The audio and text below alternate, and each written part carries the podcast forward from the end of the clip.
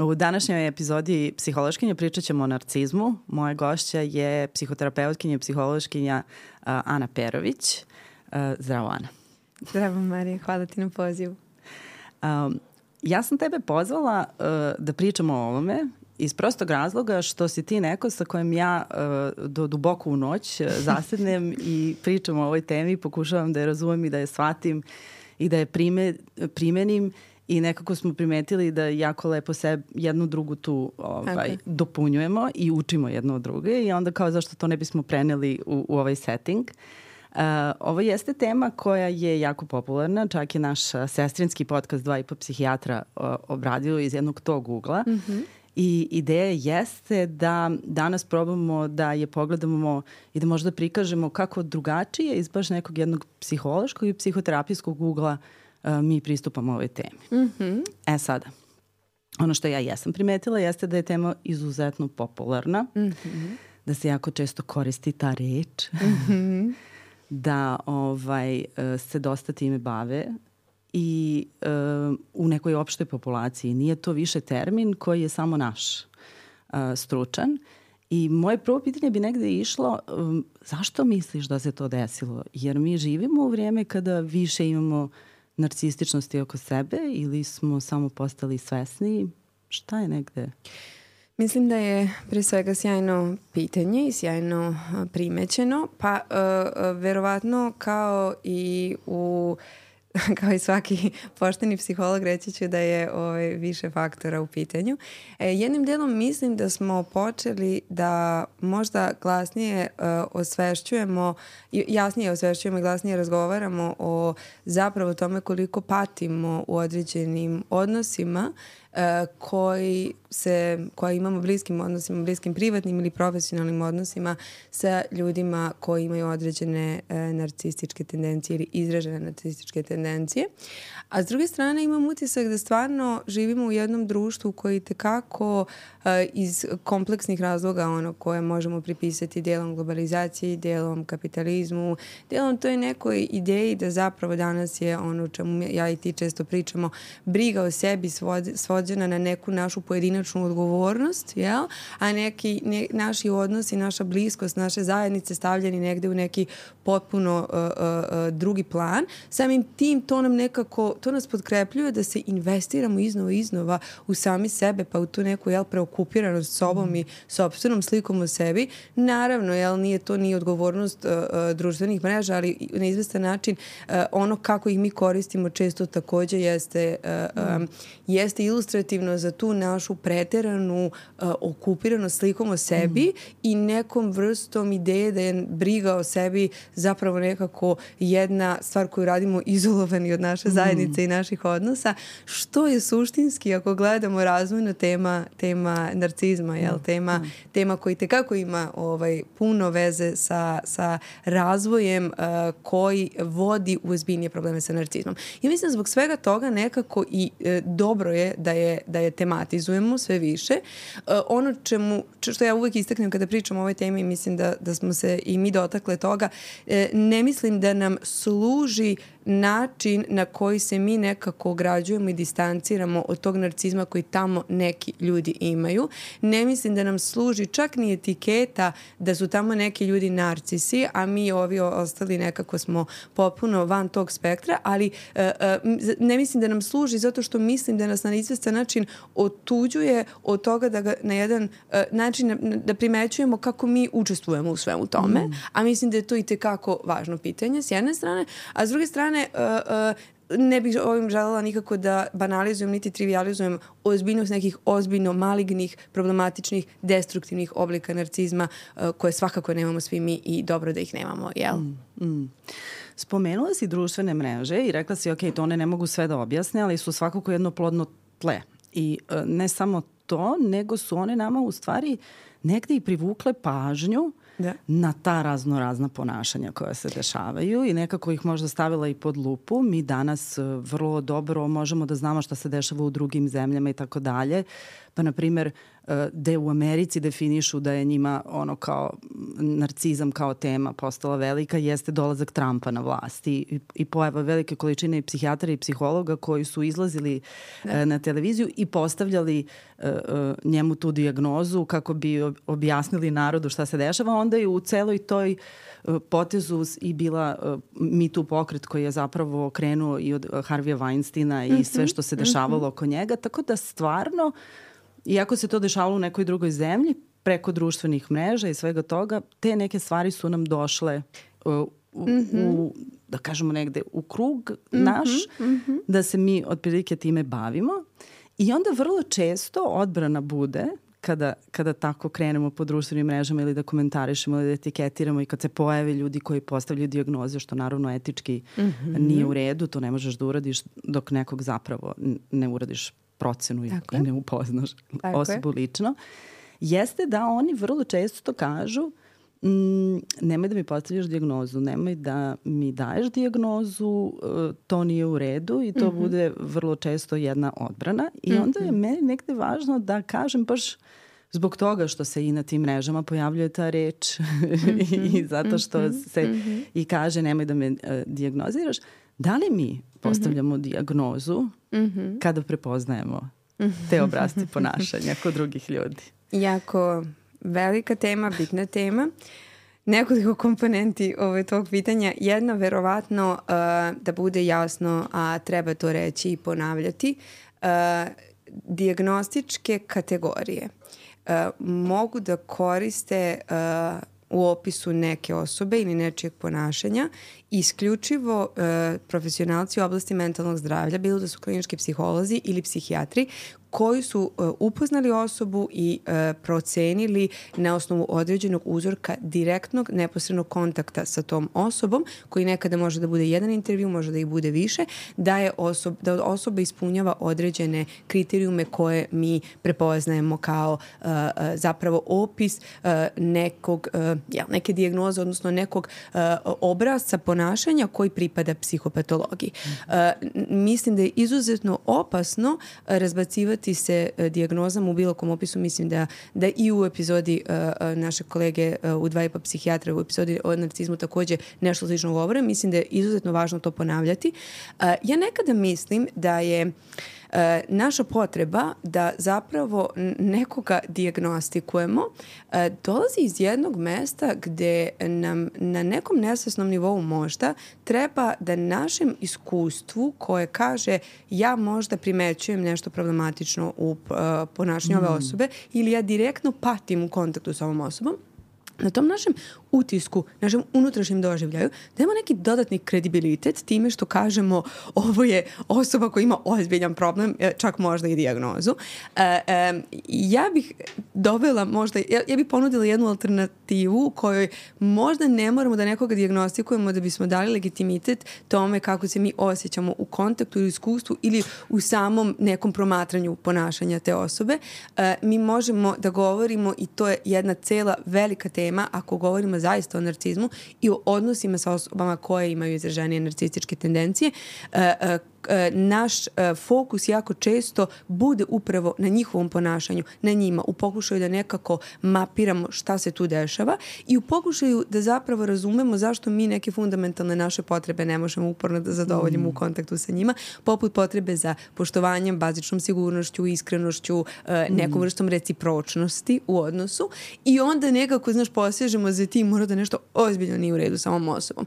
Pak, drugi deo naše priče o tome možda dolazi iz toga što suštinski možda nam je ova Možda nam je ova uh, tolika priča o narcizmu na jednom nivou, znaš, uh, uh, nekako nas je suočila sa tim da smo možda jako dugo želeli da živimo, da, da verujemo da živimo u jednom svetu gde toga ipak ima nešto manje mm. nego što ih ima. I onda nekako, znaš, govorimo možda o nekoj našoj nadi koja može u nekoj meri da bude razvojna, gledano infantilna, da ovaj svet nije zapravo baš pun ljudi koji su toliko preokupirani samim sobom i on ima potrebu da svakome gde to primećujemo, znaš, dodarimo neku etiketu, Nas da se svakako u ovom razgovoru time nećemo baviti. Narcizam, ja mislim da je konstruktivnije posmatrati kao spektar. Mm -hmm. Narcizam u određenim svojim oblicima je izuzetno opasan za nas, pre svega za nas, a u nekim oblicima može da bude nešto što s čim osoba ume da se nosi tako da u odnosima ne nanese previše štete drugima ni mm. sebi.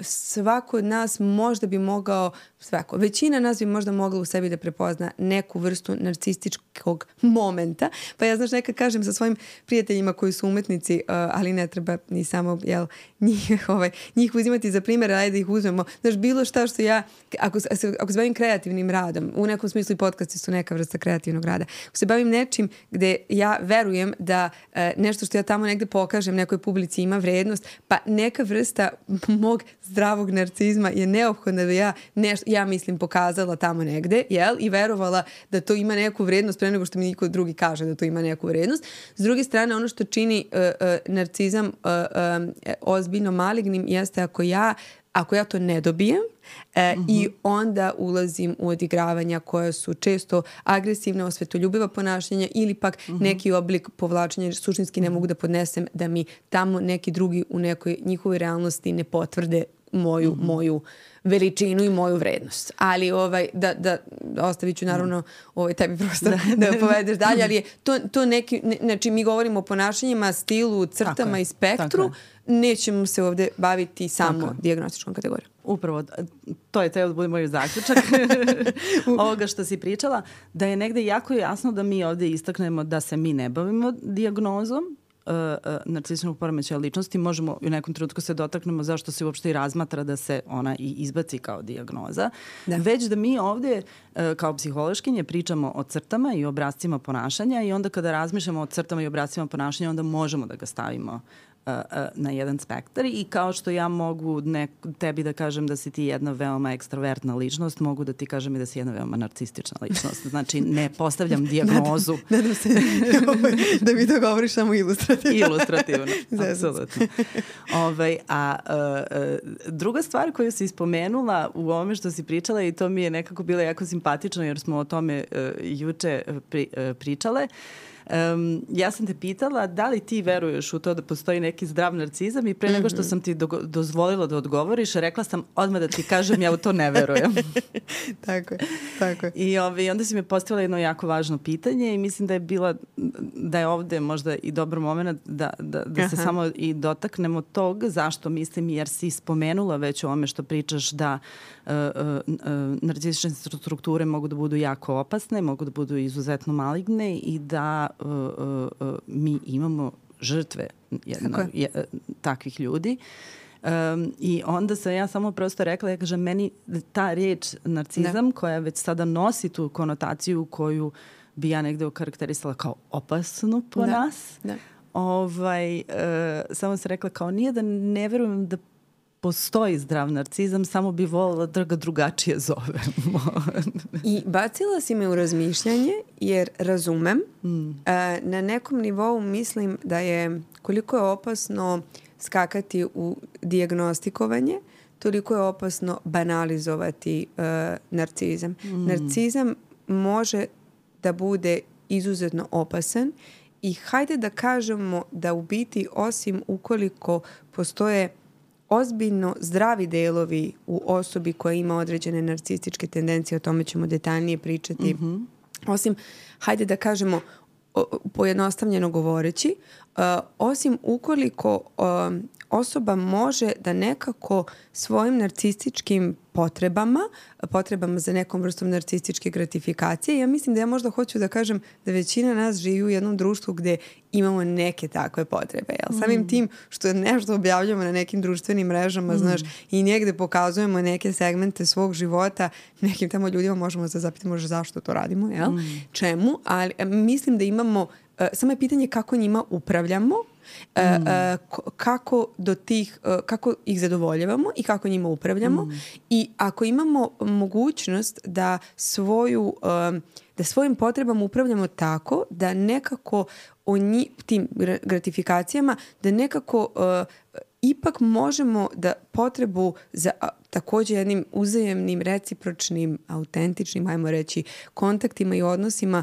uh, uh, čuvamo pored tih potreba za povremenom narcističkom gratifikacijom, odnosno da, da nekako uh, neki kapacitet za ljubav pa, praktično čuvamo paralelno sa tim, ja mislim da onda to prestaje da bude opasno za nas uh, mm. i za druge, ali je čest slučaj koji ćemo videti i u terapijskoj praksi da je to upravo veliki, veliki, veliki problem, pa ćemo onda kada govorimo o narcizmu i ljudima koji su negde, negde na tom spektru, ajmo reći malo izraženije, mi često u terapijskoj praksi imati jedan uh, problem da osoba zapravo uh, uh, doživljava da je njena potrebito za odnosima, za bliskošću i sa drugim ljudima, pre svega jedno poniženje, jel? I je nešto što je čini nekako uh, inferiornom i samim tim uh, jako je lako vratiti se u taj svet, uh, izolovani svet narcističke gratifikacije mm. gde ću mm. samo ponovo da počnem da tražim nešto što će mi popraviti uh, tu sliku o meni koju mi je mm. jako važno da sačuvam mm. i kogod da mi ne služi tome nekako uh, otpada, jel? Da. Uh, to mislim da je uh, užasno problematično i tu onda već stvarno govorimo o psihopatologiji, a ja sam rekla zdravi narcizam je nešto, nešto neka forma u kojoj se možda te potrebe malo bolje balansiraju. Mm. Ok, i sad pošto si upotrebila u svema ove što si pričala gomilu nekih nepoznatih termina, ovaj, krenut ćemo da ih u stvari, da probamo da ih da. pojašnjamo. Ono, prvo ovde mislim na tu narcističku mm -hmm, gratifikaciju mm -hmm. i tako dalje, mm -hmm. da negde objasnimo te termine i onda idemo na uh, pitanje na koje možda nikada nećemo dati kompletan mm -hmm. i totalan odgovor, pošto nemamo toliko sati vremena. ovaj, Ali je bilo jako interesantno, smo sinoć pričale i ti si me pitala, dobro Marije, sad ću ja to tebe da pitam, ovaj, kako ti definišeš narcizam? A, I onda sam ja ovako stala i rekla kao da vidiš što razmišljam i kaže Mana, pošto si ti konstruktivistička psihoterapeutkinja, Uh, šta bi onda bilo suprotno od narcizma i onda smo tu stali kao bilo fazonu wow, da, ok, šta je suprotno od narcizma i u toj diskusiji si jako nekako, ja mislim, lepo mm -hmm. definisala mm -hmm. narcizam, pa ako želiš da e, super mi je bilo pitanje šta bi bilo suprotno od narcizma, e, e, jer smo zapravo, mi kao konstruktivističkih terapeuti smatramo da dok mi, mi ne znamo dimenziju značenja na kojoj se krećemo, mm. koja ima dva pola, jel? E, mi ne znamo zapravo o čemu pričamo. Mm. E, I to je, izvinite, što prekladno, tako da kad mi posmatramo taj spektar tako narcizma, tako je. ja sam bila fazonu, ok, šta je na, ovoj drugom, je. na ovom drugom kraju? E, e, meni je izuzetno zanimljivo pitanje i evo probat ću da, da dam svoj odgovor, odnosno odgovor da prepričam koji sam ti dala sinoć. Mm -hmm. Kada ja razmišljam o narcizmu i o, o svim uh, teoretičarima koji su se njime bavili, a tu stvarno jednu veliku uh, zahvalnost dugujemo psihodinamskim, uh, psihoanalitičkim mm. jel, teorijama koje su davale različite hipode, hipoteze, ideje i okvire za razumevanje uh, ovog ponašanja. Uh, ono što razmišljam da im je svima zajedničko, ako govorimo o narcizmu u nekom odraslijem dobu, jeste uh, jedan, uh, jedna postavka koja naravno za ljude koji su koji imaju ozbiljnije narcističke tendencije nije sasvim svesna, ali koja zapravo uh, daje jedan okvir uh, u odnosima takav da u tom nekom prostoru tog odnosa koji bismo mi kao terapeuti ponekad nazvali jel, relacionom prostoru, suštinski ima mesta samo za mene. Ja ako imam to ovo govorim iz lica osobe koja ima, uh, jel, zamišljamo licu, lice osobe koja ima ekstremnije uh, narcističke tendencije. Ja suštinski u tom prostoru odnosa sa tobom ili sa bilo kim nemam ni kapacitet, ali ni zainteresovanost jako često mm. da za njega napravim, da u njemu napravim mesta za bilo šta što je više od mene, mojih potreba mojih trenutnih uh, uh, osjećanja koja često ne umem da imenujem, ali pokušavam nekako da se, da se rešim sve neprijatnosti i to je, uh, drugi je, drugi osoba je funkcija mene, funkcija mojih mm. trenutnih uh, uh, psiholoških potreba i ne postoji kao individual za sebe. Svakako ne postoji kao odvojena, diferen, diferencirani odvojeni subjekt, mm. odnosno neko sa svojom perspektivom, sa svojim potrebama. Ja u tom relacijnom prostoru ne umem, ne mogu i ne vidim tačno zašto bi trebalo da napravim prostor za još nekog osim za sebe. Mm. E, ono što, ako, e, ako narcizam, ajmo reći u pojednostavljenom obliku, razumemo kroz tu jed, ovo je jedna od prizmi, da. tako i ne, ne možemo dati iscrpno objašnjenje, možemo da zamislimo da je na nekoj suprotnosti kapacitet da u odnosu postoji prostor za dvoje. Da. E, za, I da ja mogu da držim tako. na umu i u, u, i u, ne znam, u svom telu i duši i tako dalje, zapravo dve individue. Tako je, mm. tako je. I razvojno gledano, jel, zašto dolazi do toga da osobe sa izraženim narcizmom ne mogu da nam ponude taj prostor? Mm. Uh, Odnosno, zašto... Izvini. Prije nego što kreneš mm -hmm. u taj deo, e, samo mi je jedna stvar ovaj, prošla kroz glavu kad si rekla da m, nemaju motivaciju i nemaju želje, nemaju mogućnosti, kapacitete da u tom svom prostoru imaju nekog drugog. Da.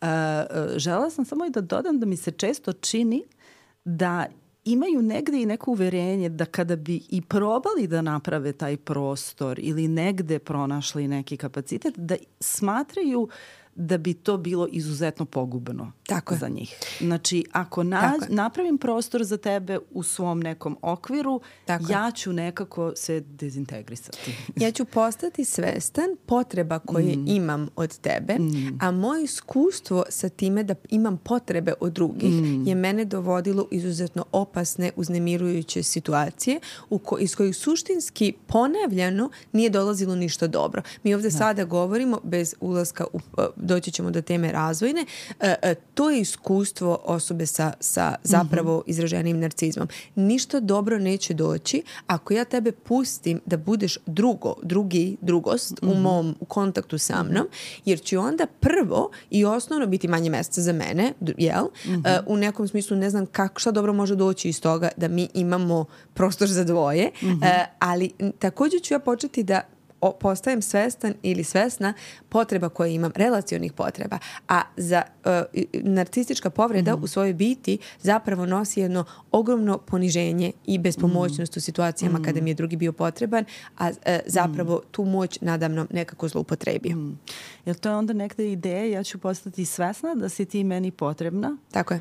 A pošto imam iskustvo da te, e, da te potrebe mi nikada nisu bile, da kažemo, ispunjene, da ovaj, to što si ti meni potrebno za mene postoje opasnost. Opasnost, tako je. Mm. I ja mogu jedino da ulazim u kontakt s tobom dok god osjećam da imam kontrolu nad tobom i stepenom moje potrebe za mm. tobom. Mm. Ovo je mm. jako, ovaj, ovo je otprilike, ali mislim da je izuzetno važno za ovakav razgovor. Kao da dajemo, ja imam doživljaj, kao da dajemo mm, glas kada bi osoba sa uh, izraženim narcizmom mogla da govori iz dela sebe, sebe. Ko, od koga se zapravo uporno otuđuje Tuđen, i da. udaljava i zapravo se investira u neku vrstu, mm. uh, kako bismo neki mm. psiholozi rekli nadkompenzacije, da odmah da. prevedemo taj termin, uh, neku, neki deo koji želim da plasiram javnosti, da. samim tim se nekako jako udaljavam od dela koji je suštinski uh, povređen. Mm -hmm. Kada bi taj deo mogao da govori, on bi rekao, verovatno ništa meni dobro nikada nije došlo iz toga mhm. što sam ja poverovao da neka druga osoba može da uh, uh, bude u uh, iskr iskreno zainteresovana za moje potrebe i mm. za mene. Mm. I mene ima na umu. Da. Jer je suštinski razvojno gledano iskustvo osoba koja imaju izraženi narcizam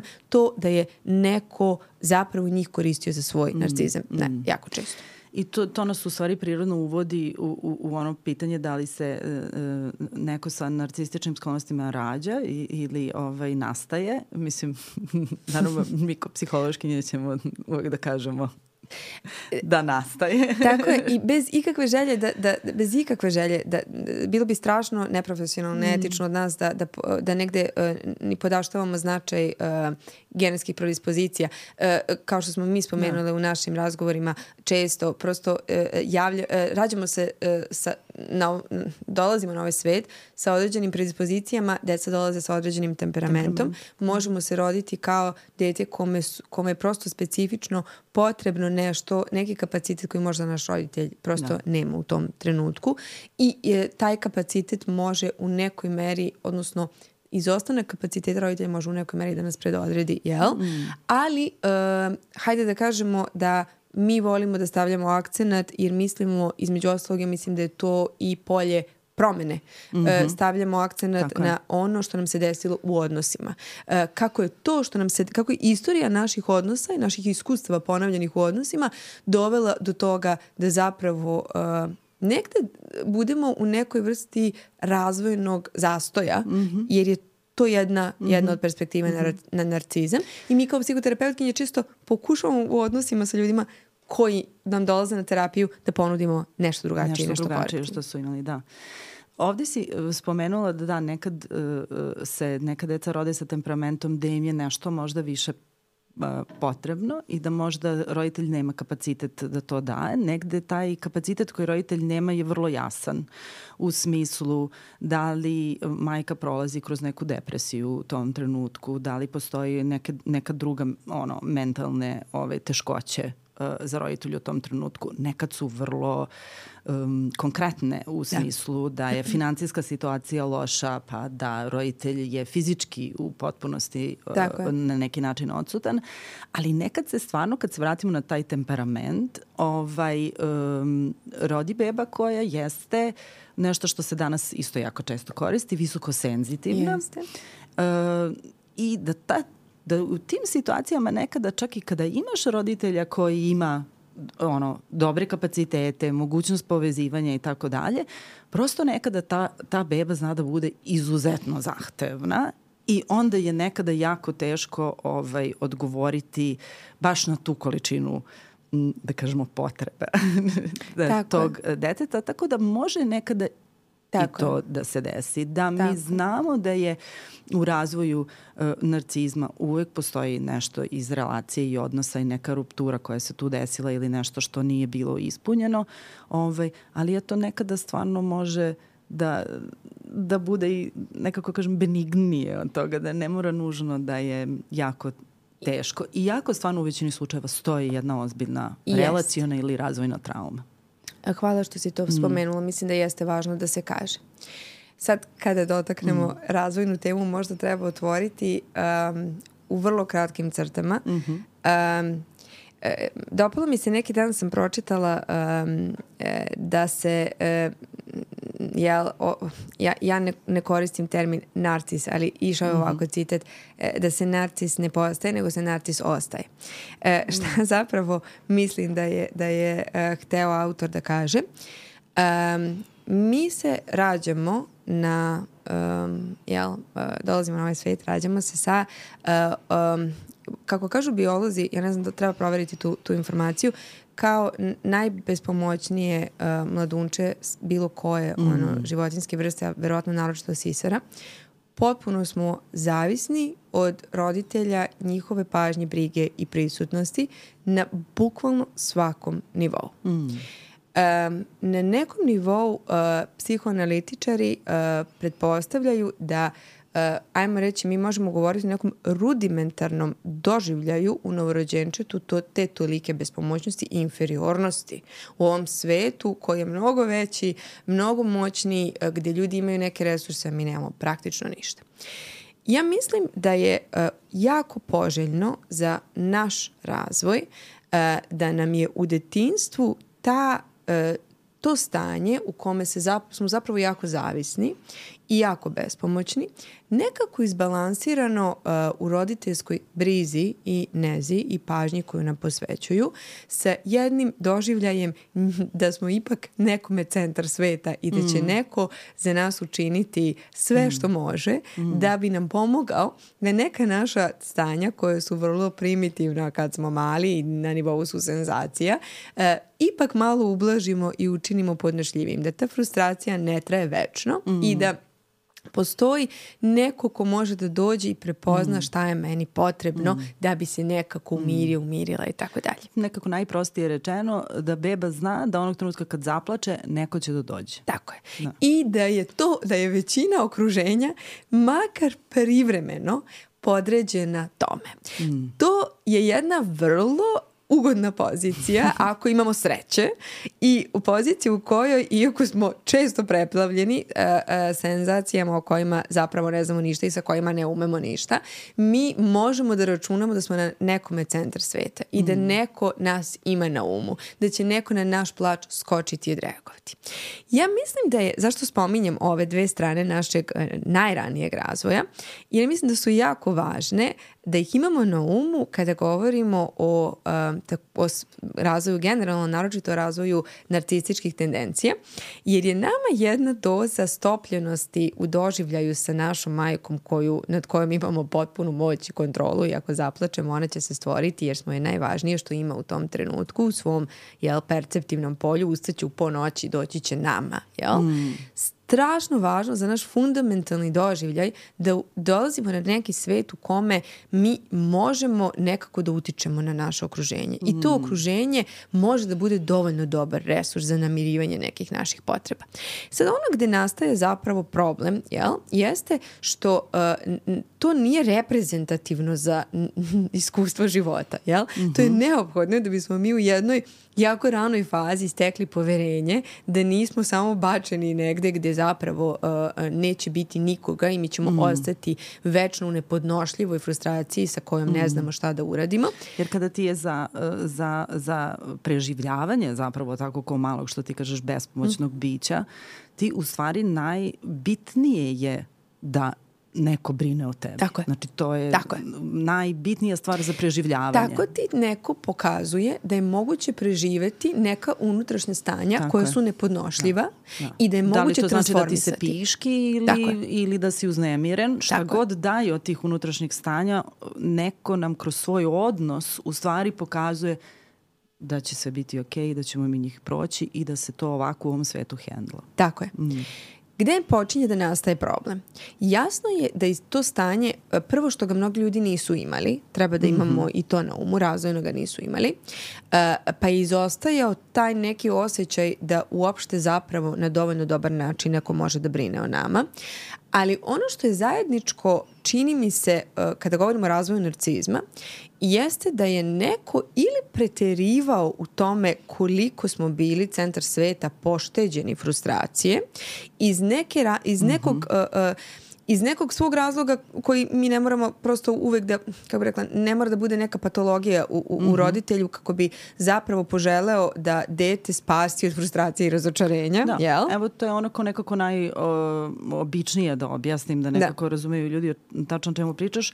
To su nam oni uh, helikopter roditelji Tako o je. kojima pričamo ili ti roditelji su koji su koji ono kao bukvalno neće dozvoliti svom detetu pu, suzu da pusti da Tako ne je. bi slučajno doživeo neku određenu je. traumu. Tako je. I šta oni u stvari u tom trenutku rade? Oni na neki način zapravo šalju poruku da uh, ne- tvoja frustracija, tvoja tuga, tvoje razočarenje, šta god je to nešto teško zbog, čog, zbog kojeg Da. ćeš ti raspakati, zapravo je nepodnošljivo stanje. Ja ti neću dozvoliti da ga osjetiš. Tako je. Tako je.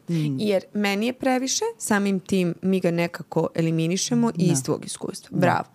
Um, a s druge strane, znaš, imaš uh, primere uh, gde zapravo uh, uh, pak se dešava nešto možda suprotno, uh, gde je uh, o, neprijatno stanje u kom se dete nalazi meni kao roditelju previše i ja ti nekako uporno poručujem da taj ranjivi deo tebe koji traži od mene utehu e, je nekako pogrešan, nekako neadekvatan Da. i ja suštinski ne želim da se bavim time. Samim tim, o- ono, mislim, od, od izjava koje smo čuli sigurno u terapijskoj praksi, znaš, da e, ti klijenti kažu um, kad bih se rasplakala, mene bi roditelji poslali u sobu da se smirim sama sa svojih 3-4 godine jer je njima bilo prosto nejasno zašto ja sad u tom trenutku toliko plačem, pa do onoga prosto ostaviti bebu da plače sama jer mislim umirit će se sama.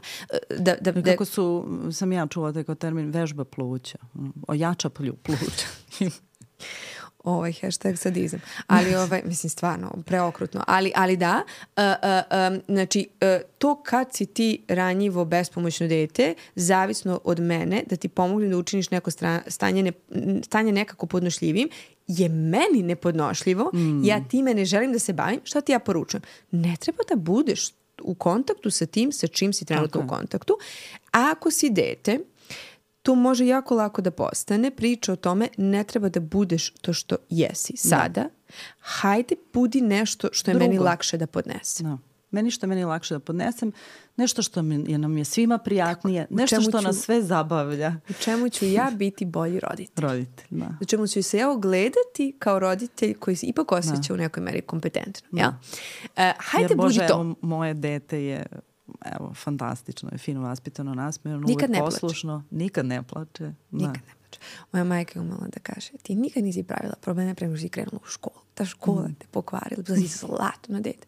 Zlatno dete, znaš, preadaptirano na, ono da. sve zahteve okoline, nikad problem nije pravilo, ni oko čega i onda krenulo da mm. shvata da, da, da mm. zapravo postoji neka mm. autonomija. Mm. E, I ta neka, ta, ali zapravo ta neka priča, hajde da ti ipak budeš nešto drugo što bi ja više volao ili volala da budeš. I šta se onda deša? Ili, ili pak priča, znači imamo dve varijante i ja mislim da su obe vrlo pogubne. Znači ova prva je nekako uh, hajde da te ja spasim od svih frustracija ovog sveta da.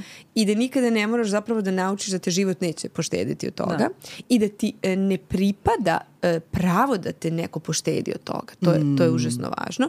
Jer taj osjećaj entitlement, odnosno preteranog prava kod osoba sa uh, izraženim narcizmom, e, suštinski često dolazi iz toga što zapravo razvojno nisu dobili poruku um, nije u redu da se, na primer, evo kad smo već na nivou deteta, nije u redu da neko neće da, si, da, da ti otme igračku koju, koju ti je dao i da neće da se igra s tobom, baš nekako nije u redu kad se neko tako ponaša. Ali povremeno ljudi neće hteti da se igraju s tobom, mm. jer je to on, njihova slobodna volja i niko nam to ne duguje, jel? Mm. Da. E sad, to je jedna priča, a druga priča je ovo nekako priča o tome ajde budi nešto što je meni ipak draže da ti budeš i onda imamo celu jednu izgradnju ličnosti na temelju zapravo otuđivanja mm. od sobstvenog, uh, od sebe, od delova sebe koji nose često u sebi naše potrebe u odnosima. Znači ja, e, ako mi treba neko da me uteši, počinjem da osjećam da nešto nije u redu sa mnom, što mi to mm. treba, jer je mene iskustvo naučilo da zapravo mojim roditeljima ili kome god u okruženju da se brinu o meni, to nije bilo po volji.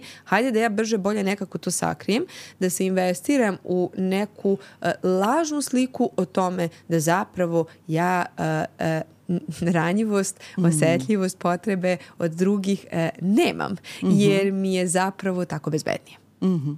Da. To ima smisla. Da, da, apsolutno.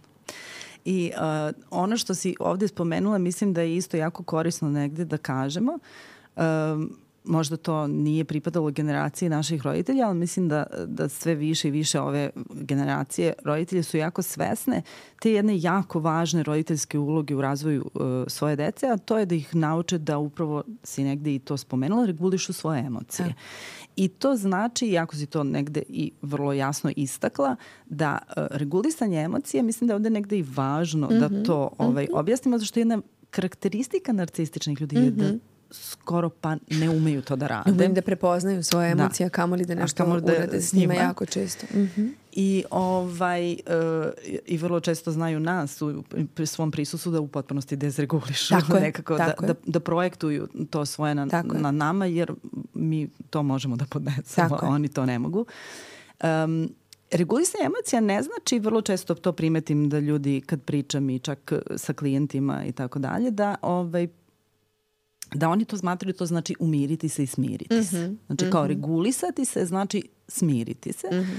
A zapravo mi kad pričamo o tome, regulisanje emocija zapravo znači jedna adekvatna reakcija mm -hmm. na naše emocije, tako da kako jesmo ljuti, mm -hmm. regulisati se možda ne znači da kao sad kao prekinemo uh, E, osjeća, e sad više neću biti ljuti, sad ću sesti i smiriti se, to nije regulisanje emocija, nego jeste izražavanje te naše ljutnje na jedan adekvatan način. Da. I, ovaj, I mislim da danas roditelji sve više nekako kako su i obrazovani i kako je ta informacija negde ispoljena napolje postoji u svetu, uh, polako uče uh, da je to ono što treba da uče svoju decu, ali da u, u razvoju kod narcizma to oni nikada to nisu Da. iskusili, da je neko za njih regulisao bilo šta. Da. I čak mnogo češće im se verovatno dešavalo uh, da su na tu njihovu deregulaciju kao dete, a mislim da je jako važno reći da, mislim, ono što znamo, deca ne mogu da regulišu svoje emocije pa do neke 12. godine. Znači, to je baš dosta na, u, u smislu da im Da, je potrebna da. naša, Drugi, tako je, da nam je tako je. potrebna ta druga osoba. Ovaj, um, nego da kada su se nalazili u tim stanjima deregulis, desregulisanosti, a to su deca vrlo često, mislim tantrum je Da. nešto što je najupečatljivije, su na to onda dodavali još veći haos. Da. Um, velika je tema koju spomenješ, hajde da probamo ovako, da, da možda se vratimo korak nazad. Kada govorimo o regulaciji emocija, nije jasno, verovatno, iako si jako lepo objasnila, ali možda nije dovoljno jasno n- na šta konkretno mislimo. I uvijek pokušam da kažem to na ovaj način. Um, Prvo što se e, e, regulacija ne znači kontrola, ne znači potiskivanje i ne znači brzinska promena stanja samo da mi što pre bude prijatnije i bolje. Jer najčešće ako to radim pokušavam da se rešim svoje emocije.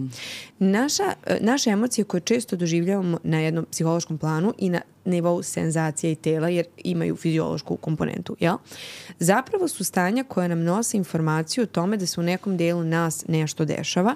Svakako stanja koji tekako možemo da učimo da transformišemo u nešto podnošljivije ili prijatnije, ali e, naša startna pozicija u tome e, ja, ja verujem čvrsto iz svoje prakse i dosadašnjeg rada, nekako mora da bude učenje da zapravo e, ostanemo u nekom kontaktu sa tim. Da stvarno sebi prepoznamo u nekom smislu, verovatno osobama sa izraženim narcizmom će čest, bliži termin biti da priznamo šta, šta osjećamo, zato što je za njih jedan osjećaj zapravo e, ugroženosti u tim trenucima kada treba imenovati šta osjećam. Emocija je opasnost. Emocija je je opasnost. opasnost. Zato što je bilo opasno svaki put kada su je osjetili. I niko je nije, to je jedna druga priča da pokušam da, je pojednostavim što više mogu, e, nikom, ja ne znam da osjećam tugu.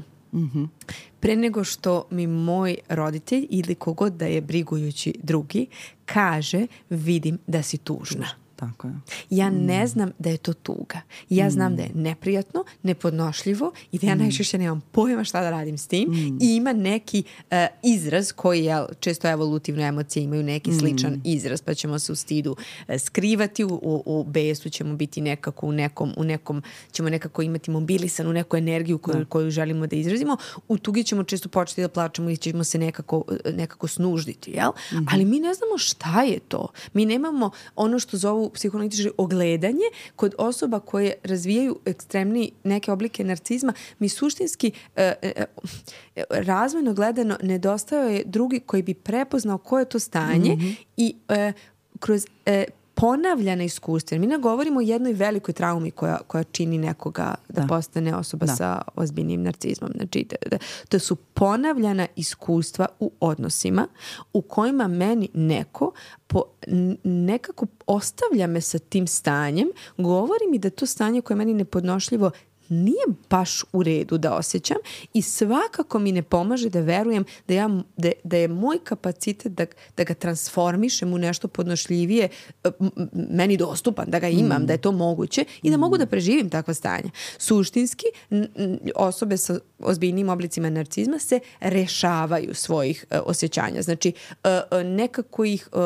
li- ne znam bolji termin, ono, get, getting rid of them, bukvalno, znači ne, negde Otara se se ih. otarasim umesto da suštinski ih uh, transformišem. Uh, I negde gde nastaje problem takođe jeste da s- nekako ta, ta cela tema o, o regulaciji emocija Ha, često ne razumeju da to jeste neophodno za zdrave odnose i da je to njihova odgovornost. Da, da je odgovornost svakog od nas da se pozabavimo svojim stanjem primarno je to naša odgovornost. Mm -hmm. Iako često, nažalost, ti ljudi ni ne žele da razumeju da je to njihova odgovornost. I to je jako, upravo to, jako mi je važno što si to spomenula, jer jedna od karakteristika baš nekog, jedne narcistične strukture jeste da te okrivljujem za svoje neprijatne emocije. Okay. I ja sam da... frustrirana ili frustrirana, dakle, ko je kriv?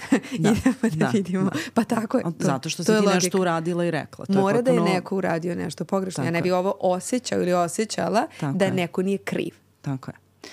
Uh, I sad ono što iz ovoga što smo pričali, da sad nekako zaokružim i da, da nastavim u, u sledeći moment, ono što mi razumemo jeste da m, jedna narcistična struktura nastaje iz nečega izuzetno bolnog, mm -hmm. iz jednog uh, izraza, jednog malog, ranjivog uh, deteta koji ni u jednom trenutku nije mogao da, ne znam, nauči da je ovaj svet bezbedan, ajde mm -hmm. da mhm. tako kažemo, da su njihove emocije bezbedne, da to što su oni je na bilo koji način, način prihvaćeno.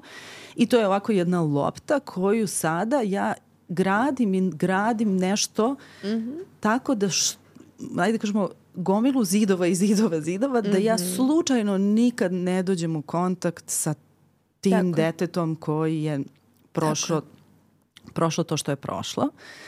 I kako onda sada to izgleda u današnjosti, odnosno kada je ta osoba sad odrasla, mhm. koji su to sve lepo mehanizmi? I tu onda mi u stvari negde mm -hmm. i opisujemo kako izgleda mm -hmm. to ponašanje kod mm -hmm. odraslih ljudi. Mm -hmm.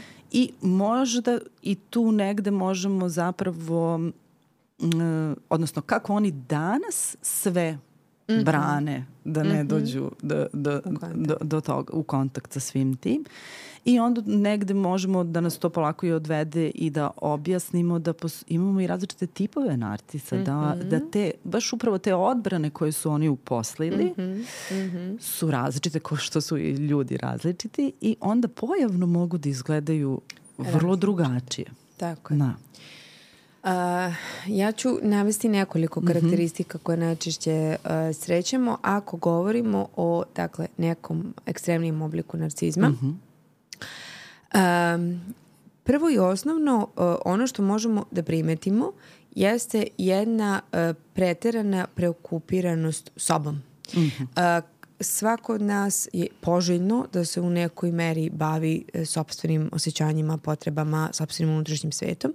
Ali ovde zaista govorimo o ljudima koji jako veliki deo svog budnog vremena provode u nekoj meri uh, okupirani time uh, kako ja mogu da održim uh, uh, sebe nekako suštinski na okupu, mm. a da bih održao ili održala sebe na okupu, meni je potrebno da se skoro sve vreme bavim uh, održanjem slike koju želim da drugi ljudi imaju o meni. Mm -hmm. uh, i nekim, uh, um, na nekom nivou sve vreme sam investiran ili investirana u nešto što je odbrana od zapravo uh, uh, kontakta sa sobom i sa drugima. Ali ono što mi je strategija koju sam naučila ili naučila jeste da praktično dok god ja mogu da nekako se uh, dovoljno dobro prezentujem ili dovoljno druge držim na nekoj distanci tako mm -hmm. da mhm. zapravo ne vide ove delove mene koje želim da, da sakrijem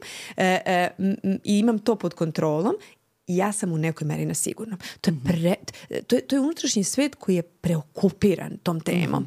Ili ako imamo neku drugačiju fantaziju o tome, na primjer ako pričat ćemo o tipovima, ali kod grandioznosti ćemo imati tu ideju o nekom sobstvenoj superiornosti, većoj vrednosti. Meni se desilo mm -hmm nedavno da mi je jedan poznanik rekao ovaj, da da, problem sa današnjim svetom je što svi smatramo da smo, da smo jako superiorni i vredni od drugih, pa sam ja zastala i rekla, mislim, kako to misliš, svi to mislimo? On kaže, mm pa prosto svi se bavimo sobstvenom superiornošću. Uh, ovaj, mm. ne, neću, neću komentarisati ovaj, e, šta mi je bio zaključak, verovatno nam je jasno, ali to dolazi iz osobe koja se stvarno bavi sobstvenim osjećanjem superiornosti mm. u ovom svetu koje mm. možda nije lako jer drugi ljude gleda mm. kao prosto nekako nedovoljno dorasle.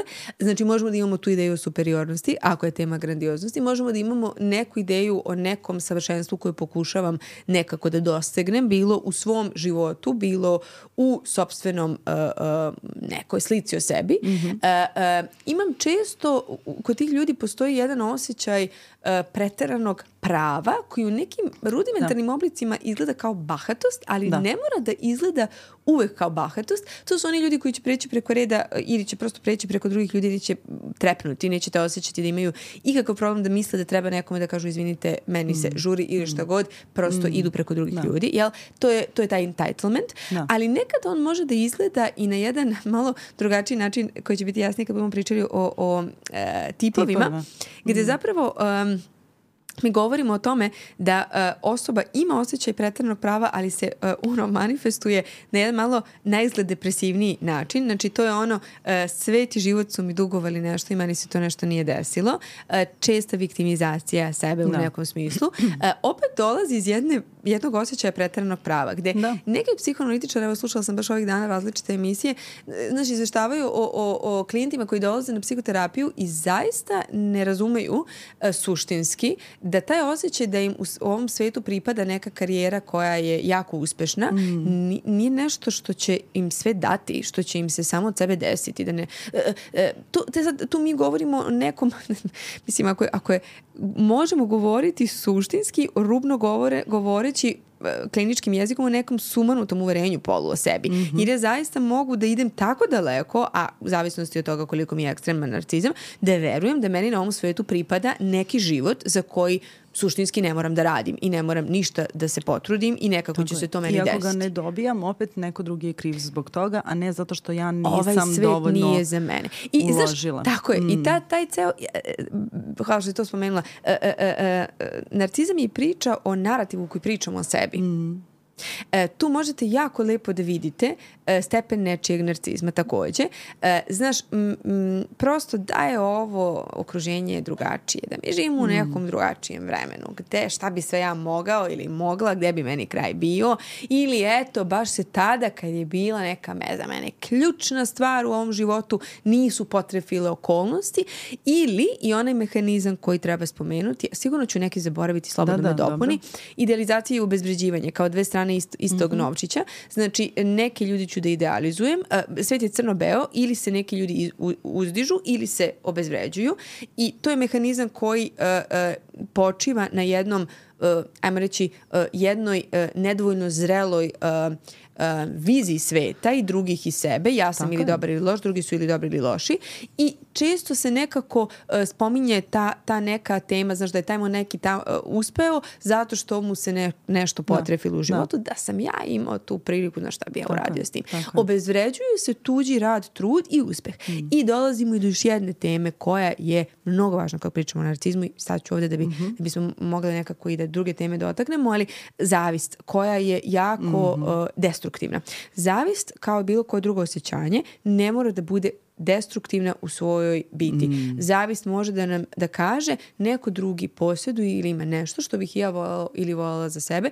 Jednom mi se desilo da me je klijent pitao da li mi se nekada desilo da radim sa nekim e, prema kome sam osjećala zavist.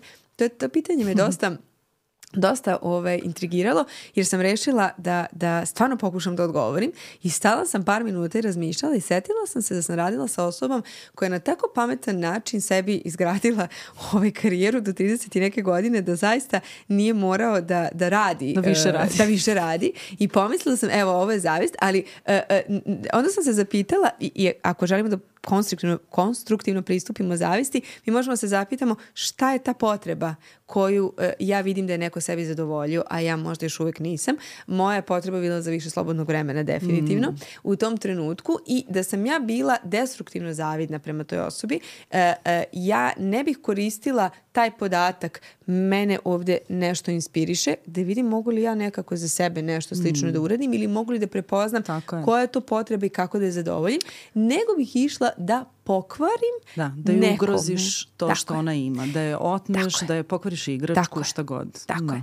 I često ćete, i to ja mislim da, da spominju naša kolega i dva i pa psihijatra, kod roditelja dece koje koja počinje da pokazuje mm. narcisoidna ponašanja, vidjet ćete jedan destruktivni oblik zavisti. Mm. Mi smo uh, interno razgovarale o seriji Succession, gde uh, o, ovom Lo, Loganu, ja mislim da tako, mm -hmm. možemo pripisati da. različite uh, karakteristike. Jedna od njih je maligni narcizam svakako, mm. koji na izvestan način, uh, iz naše makar perspektive, pokazuje u ponašanju uh, jednu vrstu destruktivne zavis, zavisti prema svojoj deci, koju zapravo zavidi na životu koje, i prilikama koje im je on mm. omogućio, da. jer on te prilike nije imao. I onda pokušava da im pokvari šanse koje oni imaju. Između ostalog, radi i puno drugih stvari. Da. To je destruktivna zavist. Da. Ja ću tebi da pokvarim jer zapravo da. ne mogu da podnesem da ti nešto možeš, imaš ili jesi mm. što ja ne mogu.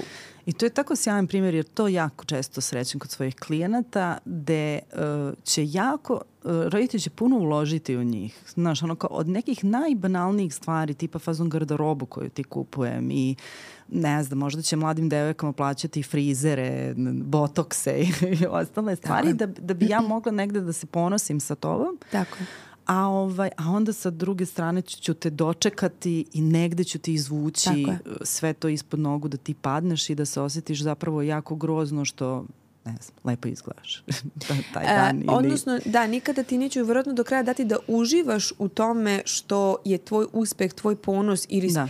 ne mora da bude ni uspeh, može da bude samo da se dobro osjećaš da, u vezi sebe, da. mislim. Zato jel? što mu zavidim, da. Zato što ti zavidim. I zato što suštinski ne mogu da ti dam nešto uh, uh, Uh, ne mogu da ti dam nešto, da ti zadovoljim potrebu i da nekako um, I to je priča o narcizmu, jel, između ostalog. Ja, ja kao roditelj tebe nekako namirujem potrebu, a onda te ponižavam što si tu potrebu mm, imao ili ti mm. ne dam da uživaš u onome što da. si dobio od da. mene. Pa makar da. to bilo da. nešto materijalno. Da.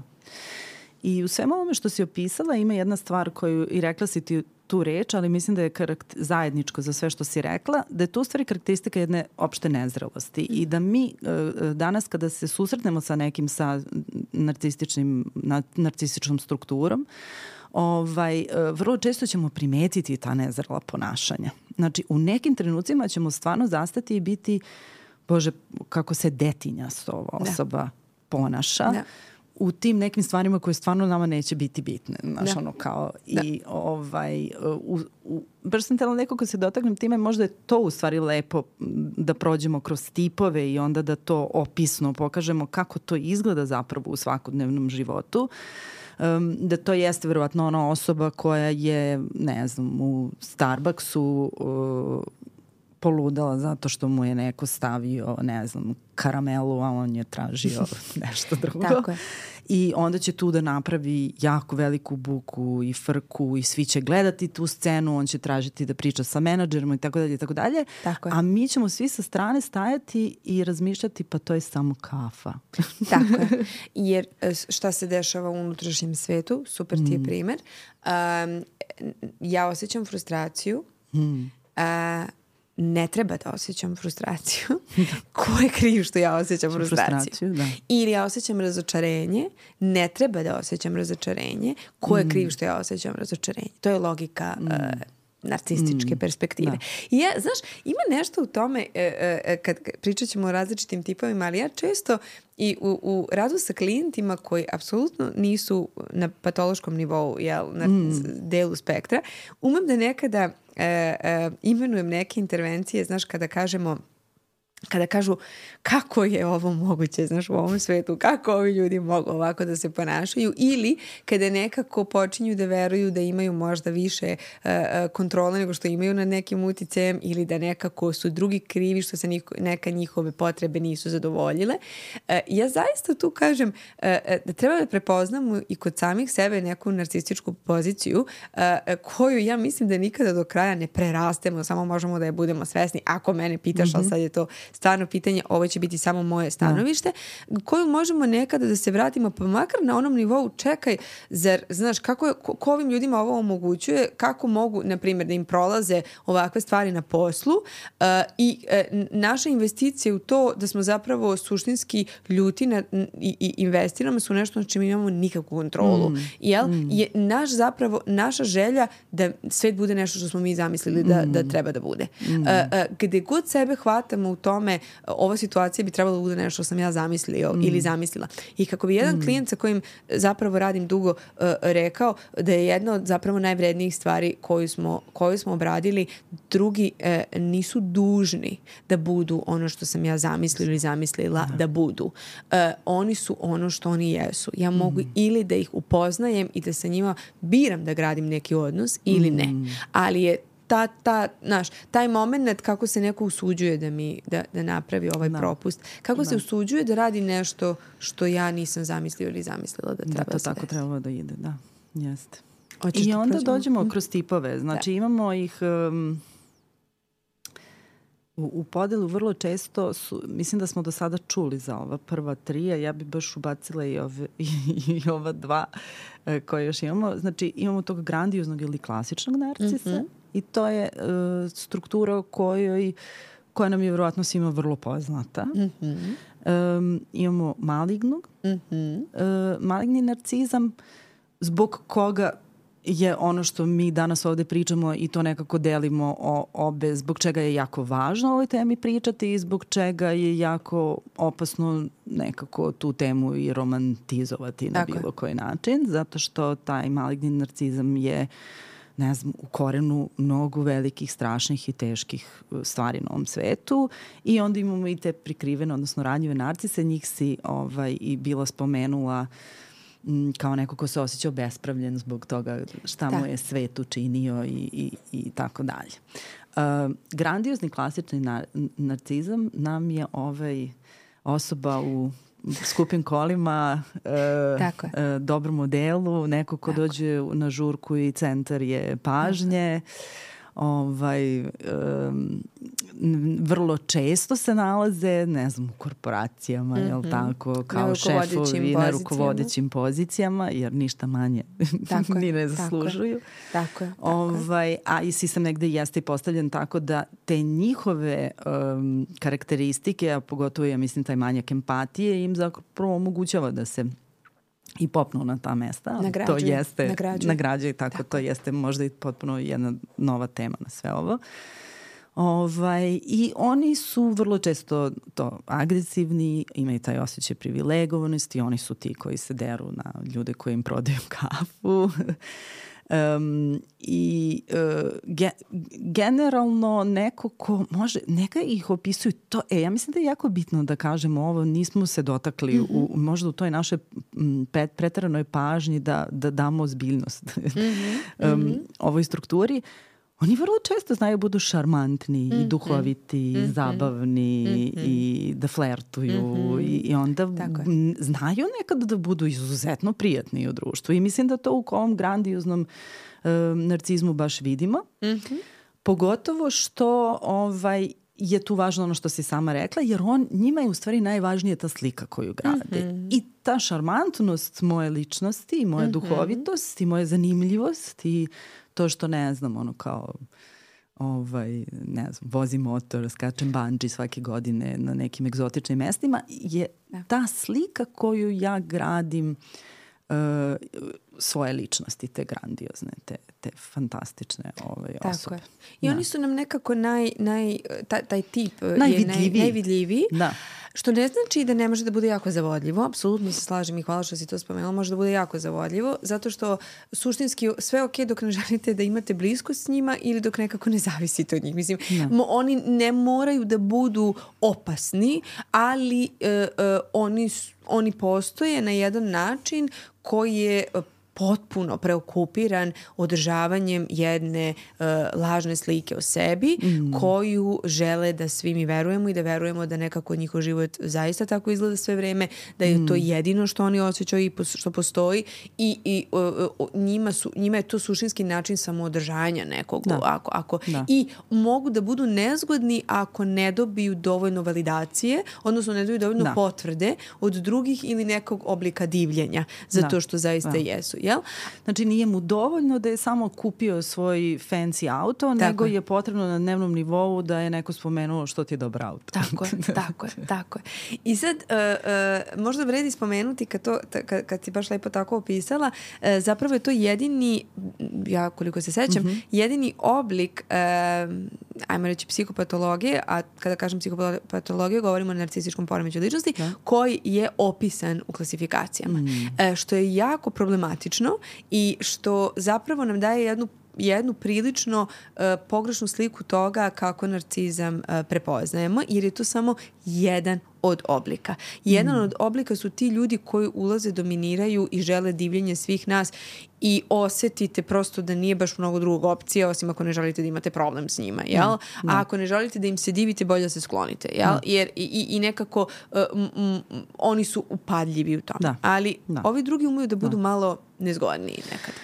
Kad kažeš drugi, misliš na maligni, pa i maligni, narcizam? Da. Ovaj, ranjivi mm. najviše mu, mm. može da bude. E, zato što ranjivi, e, taj covert, ranjivi narcizam, prikriveni, nije zapravo opisan u klasifikacijama. On, to je nešto što smo počeli da prepoznamo i kao psiholozi i kao psihoterapeuti tek čini mi su prethodnim decenijama, ali mm -hmm ono što mu je pa odlika... zato što je bio prikriven. Zato što je bio prikriven. Dobro se sakrio ovaj, s decenijama. Ali zaista, uh, zato što zapravo uh, je potpuno drugačije.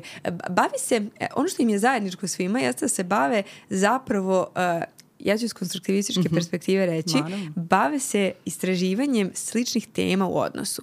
Tema je kako ja mogu ovde da dobijem nešto za sebe mm -hmm. i mhm. kako mogu da kontrolišem kako me ovi drugi ljudi vide i eventualno njih mm -hmm. u nekoj meri. Jel? Mm -hmm. Samo što je uh, način na koji ću to da radim drugačiji. Dok će grandiozni da bude, uh, da zauzima superiornu poziciju koja se nimalo ne stidi i eksponirat će se socijalno, mm -hmm. prikriveni će češće biti nekako u izolaciji. Tako uh, je jer vrlo introvertni nekada da. po svoj, svom, svom stilu, Uh, možda čak vrlo socijalno anksiozni. Tako je, tako da. je, tako je. I neće nam, možda čak i nekad i vrlo, za razliku od ovog grandioznog narcizma, ovaj, oni mogu nekad da izgledaju vrlo neugledno Tako i da zapravo ne brinu o sebi Tako uh, toliko Tako i onda nas tu to ovaj, uh, Tako opet je. na neki način zamađija zato da. što se mi kao ljudi nekako vrlo empatišemo. Da sa, uh, uh, sa njima. Jer oni dođu sa tom svojom pričom žrtve i, to,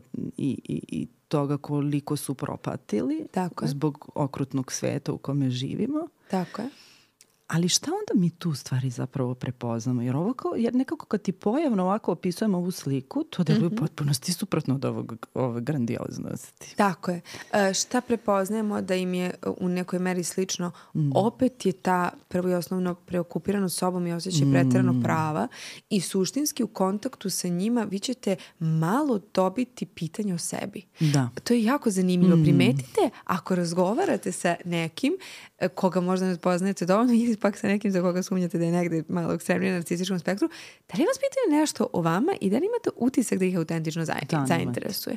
E, neće biti zapravo toga mm. i jako često ćete, će većina kontakta da bude o njima, mm. samo je pitanje... Uh, E, kako, ako, ako ulaze u malo bliži odnos s vama, nešto su prepoznali da mogu da dobiju od vas i um, ne, samo će drugačije da te to, to nekako pokušavaju da dobiju. Svakako vam neće reći šta im treba mm. i neće ni biti ni verovatno svesni, mm. ali će uh, uh, osoba, bit će zainteresovani za to koliko kontrole mogu da imaju mm.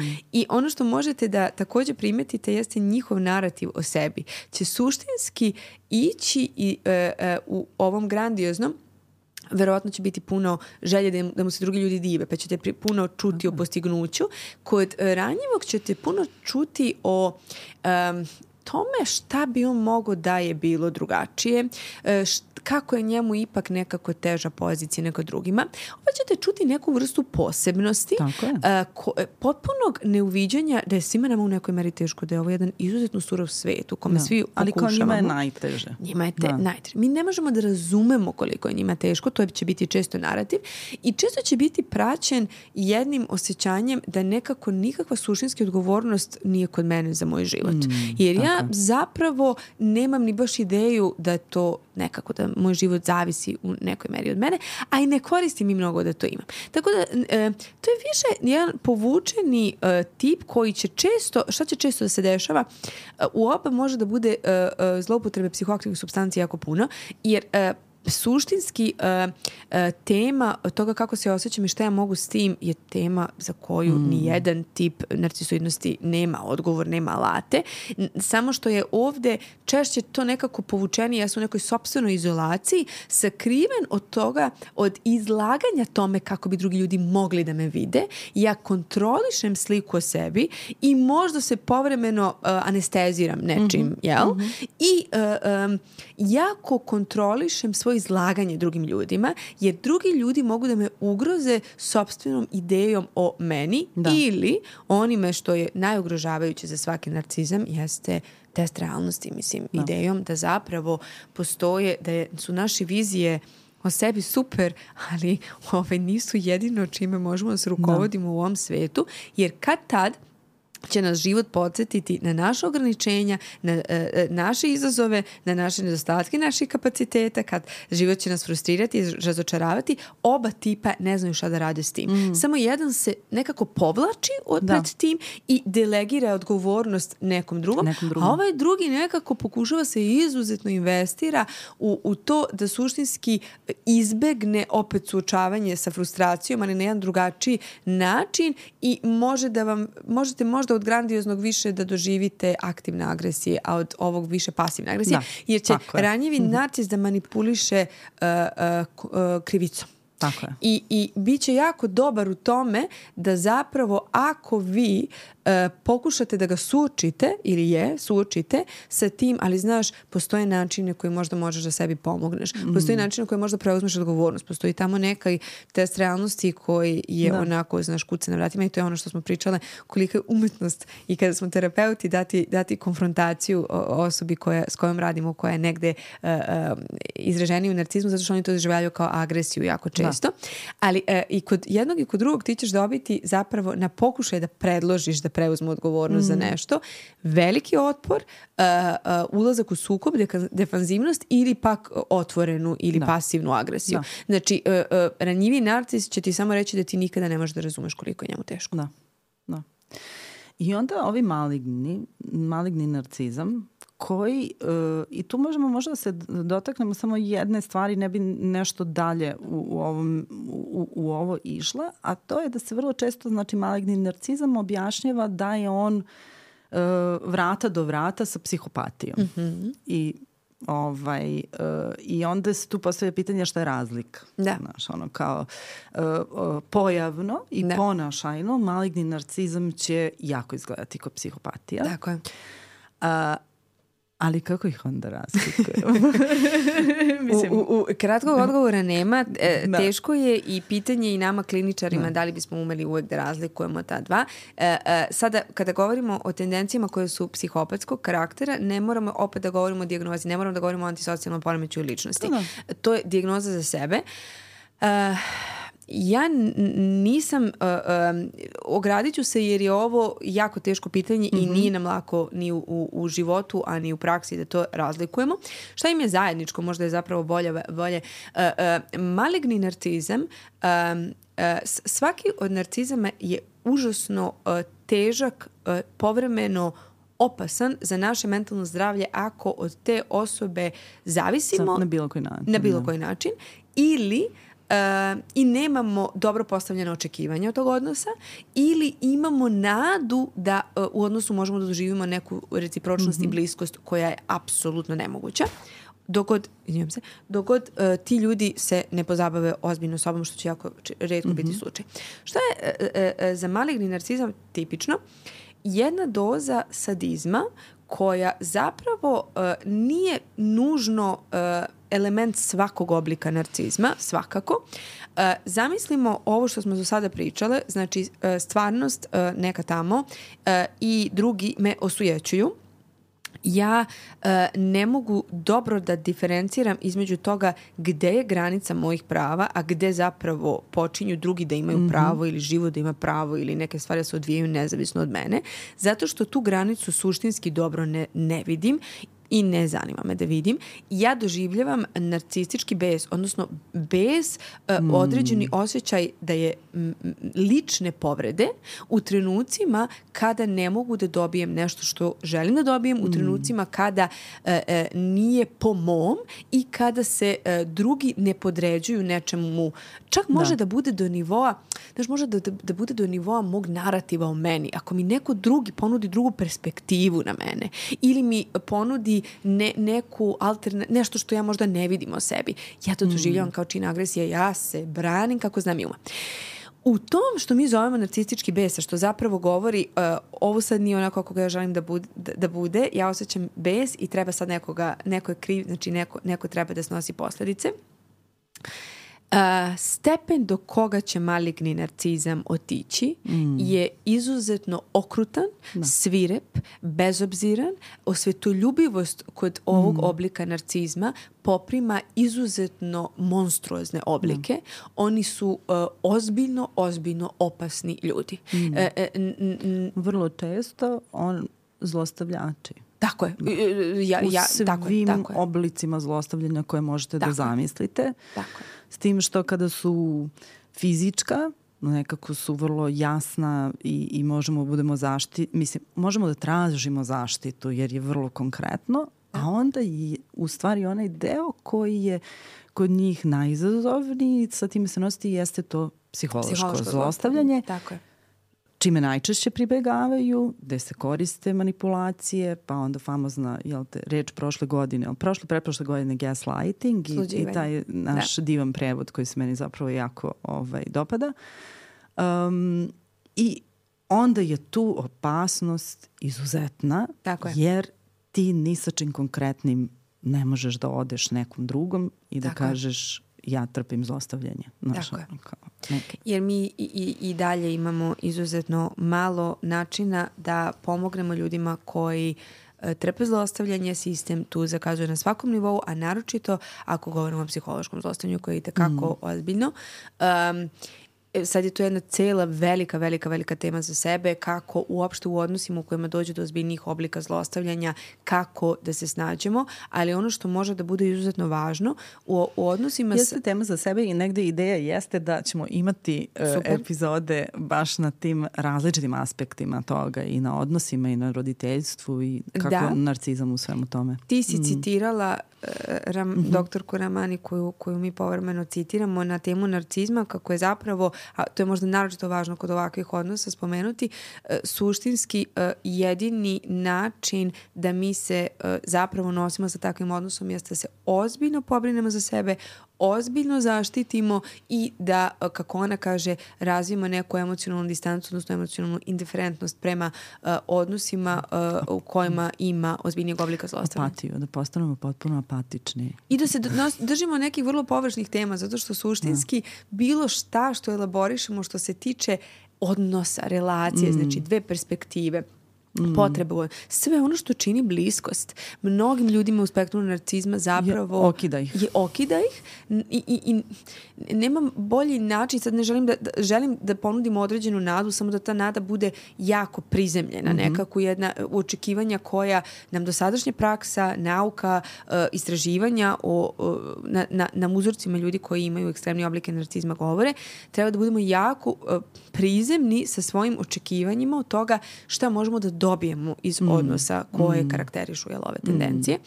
Uh, bliskost nije najčešće jedna od uh, mm. uh, stvari koje možemo da dobijemo, osim ukoliko, i dotaći ćemo se možda i toga, mm -hmm. stvarno ne govorimo o tome da je u pitanju neko ko je prepoznao svoje narcisoidne tendencije, ko je spreman na izvestan način da njima priča i da prođe jedno dugo korektivno iskustvo terapijskog rada mm. sa mhm. tom temom.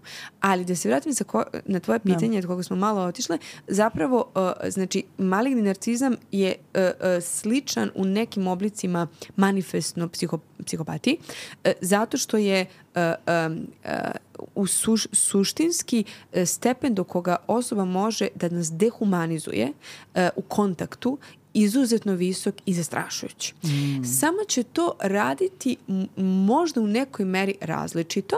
Uh, sličnost će biti da ta osoba nema problem s tim. To da nam bude jasno. Mm -hmm. Znači, mi možemo da imamo problem s tim svakako. Uh, u, u malignom narcizmu i u mnogim drugim oblik, oblicima narcizma, naravno kod malignog narcizma i kod psihopatije, vi nemate unutrašnji konflikt. Zato mm. oni redko dolaze na terapiju, zato oni mm. nemaju zapravo motivaciju da se, da se promene, jer u njihovom sistemu to uh, postoji uh, postoji neka vrsta stabilnosti koju čuvaju takvim oblicima ponašanja. U njihovom sistemu ništa nije pogrešno. Ne žulja ih ništa. Da, tako ništa ih ne žulja. E, moj, moj doživljaj je da će maligni narcizam ipak biti u nekom smislu zainteresovan za sliku o sebi, samo što će vam često tu sliku o sebi nametati kroz sluđivanje, manipulaciju, ali će se uopšte njome baviti.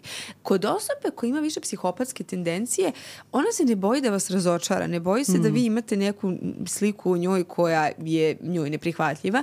Suštinski uh, ima jako malo afekta, znači emocije, okay. mm. uh, jedna velika zaravnjenost i istražuje se u odnosu samo koliko ja moći mogu da imam da te mm. eksploatišem u tom kontekstu u kom je potrebno da te eksploatišem. Ako mogu da imam moć, super, eksploatisat ću dokle god mogu. Ako ne mogu, postoje dve opcije, ovo ja jako pojednostavljam, ili ću pokušati da vraćam tu moć povremeno, jer mi iz nekog razloga važno da imam moć, e, baš u ovom konkretnom odnosu, ili prestaješ da budeš zanimljiv jer ne mogu da imam moć. Skapiram mm. da, ne, da, da ne mogu da te manipulac, da manipulacijom utičem na tvoje ponašanje da dobijem ono što da. za mene da. zapravo, što meni da. treba, što mene da. interesuje. Mm -hmm negde glavna razlika i tu, tu ćemo stati jer kao što kažeš može bude bukvalno epizoda za sebe. Ovaj, uh, kod psihopatije baš taj afekat, odsustvo emocija, njima je stvarno potpuno nebitno. Empatija Čak i cijelo emocionalnog života. Da. Ta manipulacija ne uspe, njima to nije važno, dok će se kod malignog narcizma javiti verovatno i anksioznost i, um, i ima tu u stvari, ima tu dosta nekih emocija koje oni stalno nekako Tako guraju i potiskuju, ali oni se, oni se javljaju i tu se hoće videti ono koji neka nervoza i neka netrpeljivost i neki bes, Tako što je. ništa nećemo naći kod psihopatije. Tako je. I kod malignijeg oblika narcizma stalno će biti projavati ta tema ja se e, pokušaja da se zapravo upravlja tuđim uh, ponašanjem. Ponekad taj sluđivanje ili gaslighting je jedan od naj možda perfidnijih, najzanimljivijih možda nama psihološki načina na koji se manipuliše osobom, ja podrivam tebi poverenje u tvoj doživljaj realnosti i tako manipulišem tobom. Ja ti govorim da. šta je tvoja realnost da. i e, e, maligni narcizam će imati mnogo tih pokušaja da zapravo e, utiče na doživljaj drugog i na doživljaj e, iskustva kod drugog i na doživljaj mm -hmm u nekoj meri ne doživljaj sebe da. ili uh, pak će provejavati ta tema sve što ja osjećam nekako je tvoja odgovornost. Mm. A kod psihopatije koliko sam ja upućena i koliko imam u iskustvu, mada kažem nama u terapijskom iskustvu e, imam iskustvo u radu sa psihopatijom, ali nemamo mnogo iskustva u radu sa psihopatijom da. zašto najčešće e, ljudi ili na tome ne žele da rade jer im nekako o, ne smeta ili će redko doći na, na, na terapiju jer suštinski mi imamo problem sa njima, ne, mislim, A ne oni sa ne nama. Oni sa nama tako da. je, ali tu neće biti tolike emocionalne investicije. Mm, Možda da, neće da. biti nikakve emocionalne nikakve, investicije. Da, da. Tako je, tako je. Sad bih spomenula ove što su meni bili jako interesantni na koje sam naletila i mislim da ih da ne, nisam još čula da ih neko još spominja. A super im je i naziva, to je dru, dru, društveno osvešćen narcizam. I to je ono što ja kažem, narcizam možda uh, na jednom mestu da ga ne bismo baš očekivali, mm -hmm. jer bismo se pitali šta narcistična struktura dobije iz jedne te pozicije, onda posle malo kad pogledamo u stvari shvatimo da dobiju mnogo dobro, a to je, ako gledamo grandioznog uh, um, narcisa, njemu jeste negde ideja da to, da predstavi ja sam moćan, ja sam bogat, ja sam lep, ja sam duhovit, ja sam zabavan. Društveno osvećen narcis želi da izgradi jednu sliku koja kaže ja sam izuzetno dobar, ja Tako sam je. jedan dobročinitelj i ja radim velika dela. Tako je. I ove ljude ćemo pronaći kao vođe sekti, mm -hmm. uh, vrlo ćemo, možda ćemo ga i naći u, u religiji kao generalno mm -hmm. na nekim određenim pozicijama mm -hmm. opet.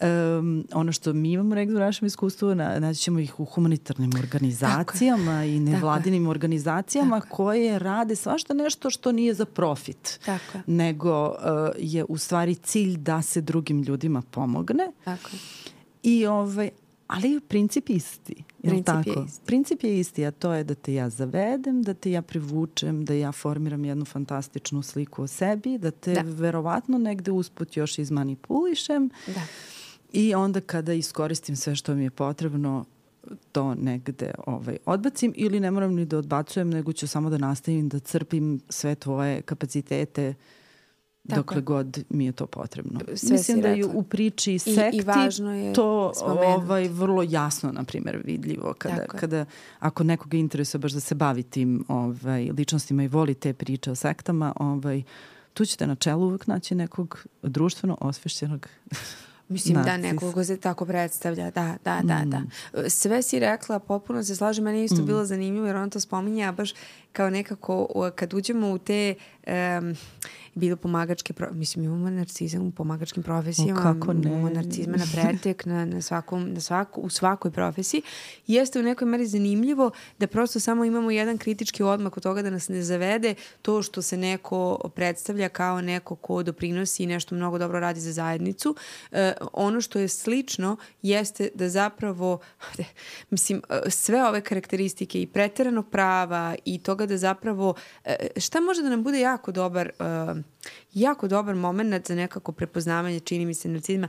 E, sad na to treba da, da, da se vežbamo jer nam je toliko narcizma oko nas da suštinski nismo ni baždareni da prepoznajemo to, mm. ali u, u kontaktu sa drugom osobom uh, koliko ja osjećam da ima autentičnog prostora za nas oboje i koliko ta osoba, ako vodimo neki razgovor koji potraje, pokazuje neki interes za razmenu, za, za mm. dvoje. Znači, mm. ima li nas dvoje u ovoj u interakciji? No, no. I ako nema, odnosno ako neko drži monolog ili je samo hvalospev o sebi ili je samo jadan ja ili šta god, ili je pak nešto drugo, ali samo ja, ja i ja, stvarno je indikativno bilo da se bavi mm. nekim plemenitim stvarima da. ili da. Ov, ili pak na nekom nivou vidimo da direktno uh, je i ono što je izbor profesije direktno možda odgovara da. profilu pa osoba Tako stvarno na primer uh, radi na nekoj poziciji koja uh, se hajmo reći gde, gde je jako lako da zloupotrebljava, eksploatiše moć i tako, tako dalje. Sve je u stvari pitanje moći. Ako sve, si moćan u, u tim pozicijama i čak i u tim profesijama pomagajućim. Tako Tako je. Da, da. I na kraju nam je ostao taj uh, benigni narcizam koji, ovaj, mislim, čisto onako da ga spomenemo, on bude simpatičan zato što, ono što kažemo, to je bu, budolasta osoba puno sebe. Mislim, ne, nekako naj, naj prostije otprilike opisano, ali ono što ja mislim da je ključno zašto je on benigan, zato što, v, zato što um, sva ova malignost o kojoj smo pričali, ta manipulacija, taj utice da. moći i tako dalje, to nekako nije u njihovoj sferi interesovanja. U njihovoj sferi interesovanja su u principu samo oni. Tako je. I to mnogo ne utiče na ljude oko njih. Tako Mislim, je. opet ono što si ti rekla, mi ćemo najviše to osetiti ako stupimo u odnos Tako sa nekim je. takvim. Tako je. Ali u ovom odnosu naj gore što može da nam se desi da nećemo dobiti jednu emotivnu Tako dubinu. Tako je uh, ali neće nas neko značajno povrediti, izmanipulisati i ono, skrhati Tako psihološki. Je, tako je. Tu možda sad, to je, to je podela koju, koju citiramo od Ramani, pa da. simpatično je spomenuti stvarno više različitih oblika.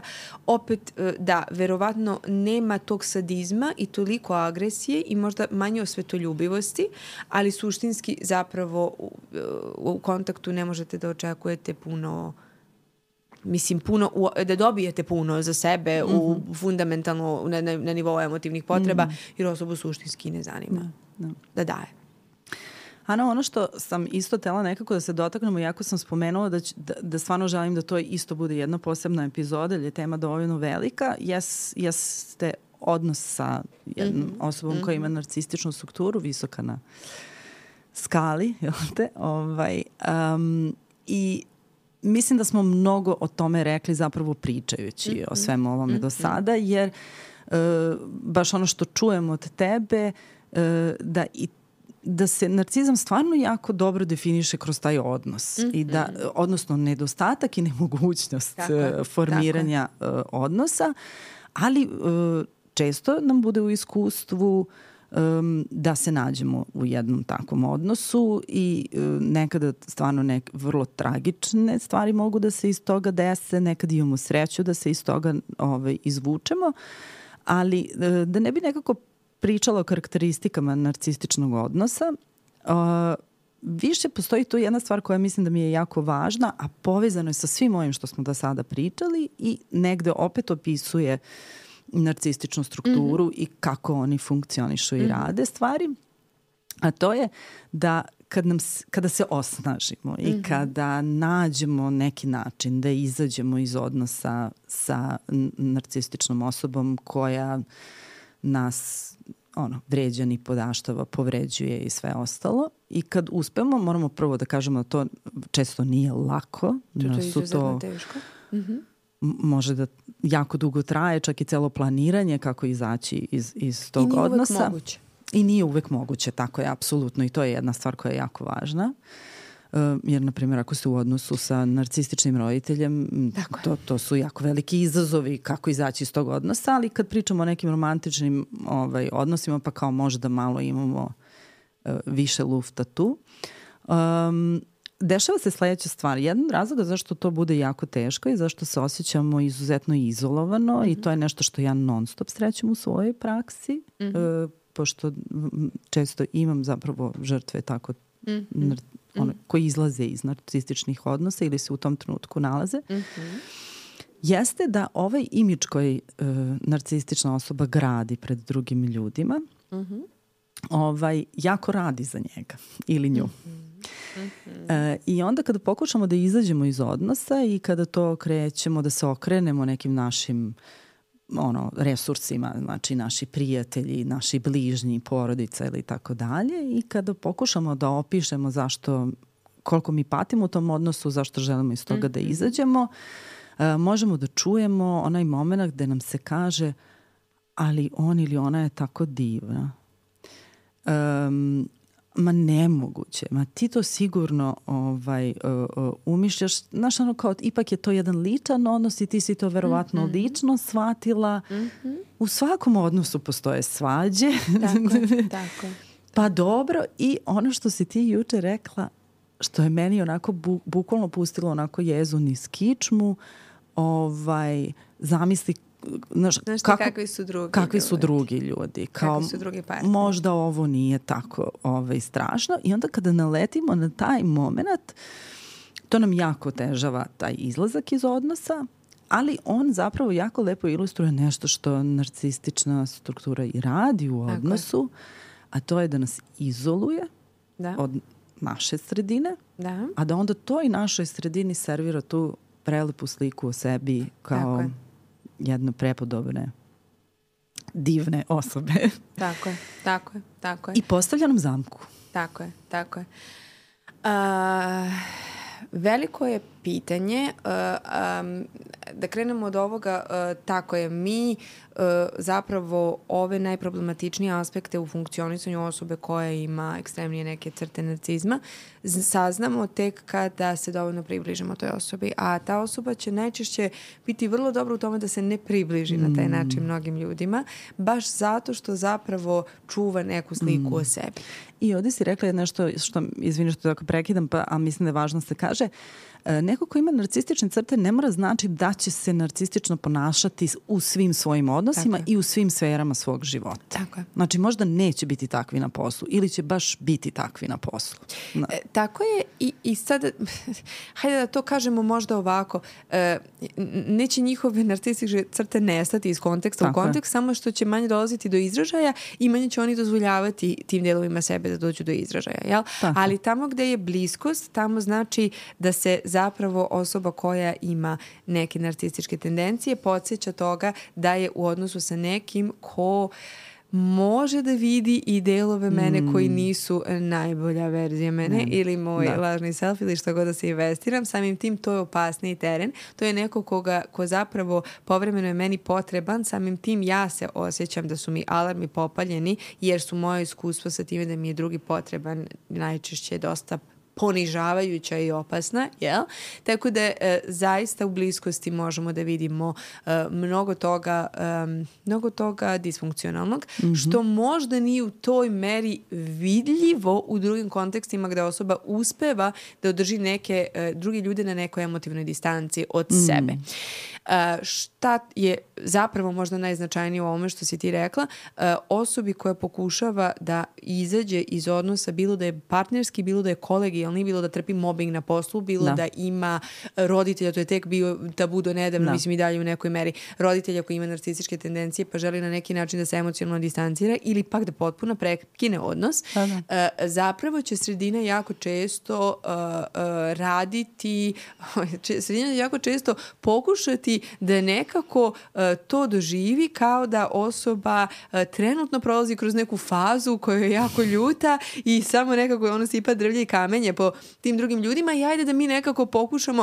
Ono što ja mislim, znaš, imamo kada vidimo neko, nekoga ko je uh, jako ostrašćen i pokušava da nam objasni da je nešto stvarno loše, mi imamo neku potrebu da to uravnotežimo, da nekako, čak mhm. nekad i ne iz mnogo loše namere, da kažemo, čak čekaj, ti malo izbalansiraj, znaš, ne znaš, jesi uzao ovo ili ono u obzir osobi koja hronično trpi gaslighting, odnosno sluđivanje, to je ozbiljan dodatni teret koji možemo da e, nenamerno ili namerno dodamo na već osjećaj sluđenosti u sobstvenom iskustvu koje podrazumeva jako često e, godine ili mesece psihološkog zlostavljanja Šta to znači suštinski? Nije bilo dovoljno bezbednog prostora da ja izrazim sobstveno iskustvo. Nekom je u tom partnerskom odnosu ili ili porodičnom ili poslovnom, konstantno podrivao moj osjećaj u to da ja uopšte znam šta se meni dešava, mm -hmm. da znam da opišem moju iskustvo i da znam da se pobrinem za sebe. Jer kad ti neko govori, ne treba tebi sad, mislim, da te ja saslušam, nego si ti prosto preosetljiva, si histerična, mm -hmm. ili jako dobar mm -hmm. primer. Ovo iz koleginicine, ja mislim, prakse bio primer, mm -hmm par um, gde se zapravo dešava na uh, uh, seansi da uh, se radi o temi poverenja koje je narušeno i ja mislim da je partnerka bila više ne mogu da se setim uh, uh, uh, ne mogu da se setim primjera ovo je bilo zapravo nešto što je neko podelio u uh, ja mislim na, na, na konferenciji, sećam se da je bilo u jednom javnom prostoru, primjer jako je bio dobar. Um, e, pa, partnerka kaže, e, nisi mi rekao ono što smo se dogovorili da mi kažeš, narušio si moje poverenje, povređena sam. On kaže, vidiš sad koliko praviš histeriju, nije ni trebalo da ti kažem, ti nemaš da podneseš zapravo ni istinu kada ti kažem. Mm. Mm. ja, sluđivanje u tri sekunde, o, svaka čast. Uh, ja mislim da neko ko, ko, ko se nalazi u odnosu iz koga pokušava da izađe, a ko je sa nekim ko je USB-nije, jel, narcizoidan, zapravo mi imamo osobu, mi moramo da razumemo da, da pre svega imamo osobu koja ovo sluša verovatno mesecima da. i koja, kojoj se poručuje to što ti sada doživljavaš nema nikakvu vrednost, da, da ti ja mm. objasnim šta se tebi mm. dešava.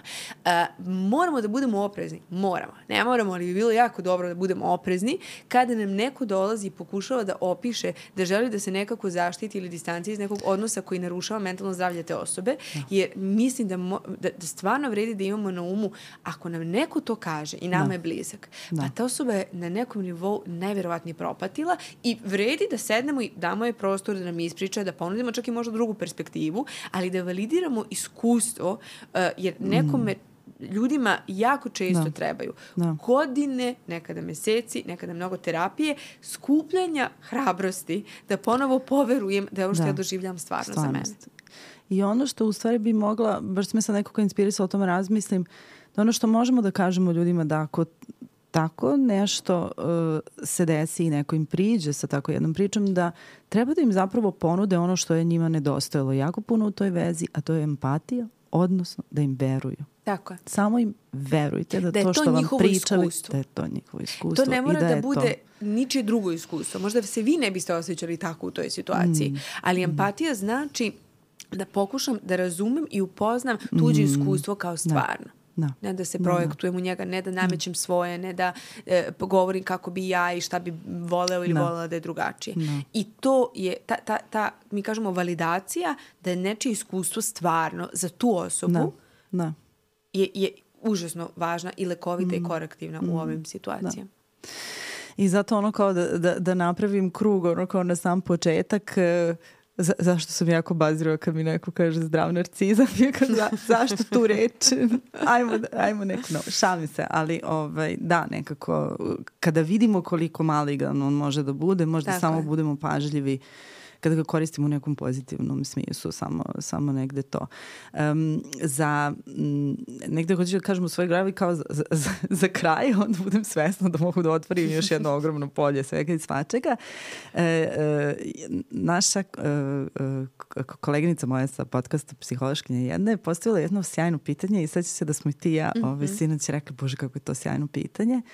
E, i, i možda tu negde možemo polako i da, da, da zaokružimo. Ona je postavila pitanje, kaže, da li narcis se boli? Mm -hmm. Da li mi u tom odnosu patimo i to nam je nekako mm -hmm. jako jasno i baš smo nekako sad pričali o tome koliko to zna da traje i koliko ljudi moraju da prođu nekada i psihoterapijskih seanci da se osnaže da iz tako nečega izađu. Mm -hmm. ovaj, A da li njih nekad nešto zaboli u tim odnosima? E, e, kao kratak odgovor da, mm. ali. um, videla sam mnogo sadržaja na društvenim mrežama o tome, ja mislim da to dolazi znači, iz mnogih uh, iz potrebe mnogih ljudi koji su ozbiljno propatili u odnosu sa nekim ko je negde na tom ekstremnim natisojnom spektru, uh, a nikada nisu dobili neku, neku vrstu zaokruživanja, nikada nisu dobili izvinjenje, nikada nisu dobili preuzimanje odgovornosti, nikada nisu dobili što se kaže na engleskom closure jel, odnosa. Pa onda mnogi aktivisti bili, ja mislim da najčešće ti ljudi nisu profesionalci iz oblasti mentalnog zdravlja, govore o tome imajte na umu da se sad osobi koja je ono, narcisoidna dešava to i to, to što vas ono je gostovala osoba samo znači da je pokušala mm. sačuva sliku o sebi. E, ja zaista razumijem, mogu da se osjetim sa tom potrebom da nekako e, e, da, da, da mi nekada stvarno taj nedostatak informacije šta se u njihovom unutrašnjem svetu dešava jako bolan, mm -hmm. jer možemo da se zapitamo uh, uh, uh, kako da zaokružimo odnos popuno sami i kako da zapravo unesemo neki smisa u svoje iskustvo bez ideje da možemo uh, iskreno da razumemo šta se dešava u unutrašnjem svetu mm -hmm. druge mhm. Osobe. Um, ja mislim da je nažalost jedna od najtežih situacija kada izlazimo iz takvih odnosa baš to što taj, to zaokruživanje najčešće radimo sami da. i sa nekim drugim ljudima koji su nam podrška da. jer uh, kada bi osoba koja ima dovoljno kad, kada bi osoba sa, od koje se rastajemo imala dovoljno kapaciteta da preuzme odgovornost i sa nama razmeni perspektivu o tome gde smo pogrešili u ovom odnosu ili gde je pak bio gde, gde smo udarili u neki zid koji nismo mm. mogli zajedno da mm. da prevaziđemo pa verovatno smo bili u tom odnosu jel ne bismo pokušali da izađemo iz nje tako je mi bi imali prostora da repariramo taj odnos tako da nastavimo nastavimo dalje, da možda izgradimo Tako. nešto više. I to je, ja mislim, super moment, samo da spomenem i bukvalno jednu tačku, a to je da to nekako glavna razlika kada se verovatno sad ljudi kad slušaju pitaju kao, a da li sam ja u odnosu sa nekom, nekim ko je visoko narcističan ili ne i tako dalje.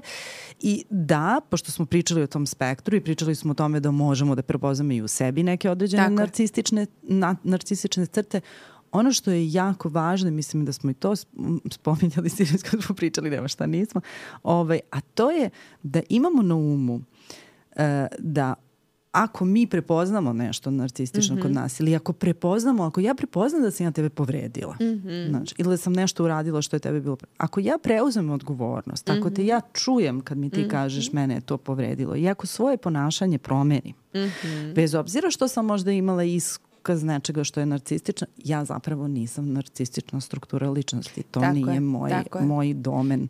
Tako da ako I, veza može je. da se reparira, onda mi možemo da radimo o tome, onda nije narcistična veza. E, odnosno, baš si to lepo rekla, jer sve vrijeme zapravo govorimo o tome i ovo je mnogo teško za objasniti jednostavno, mm -hmm. ali mhm. probaću.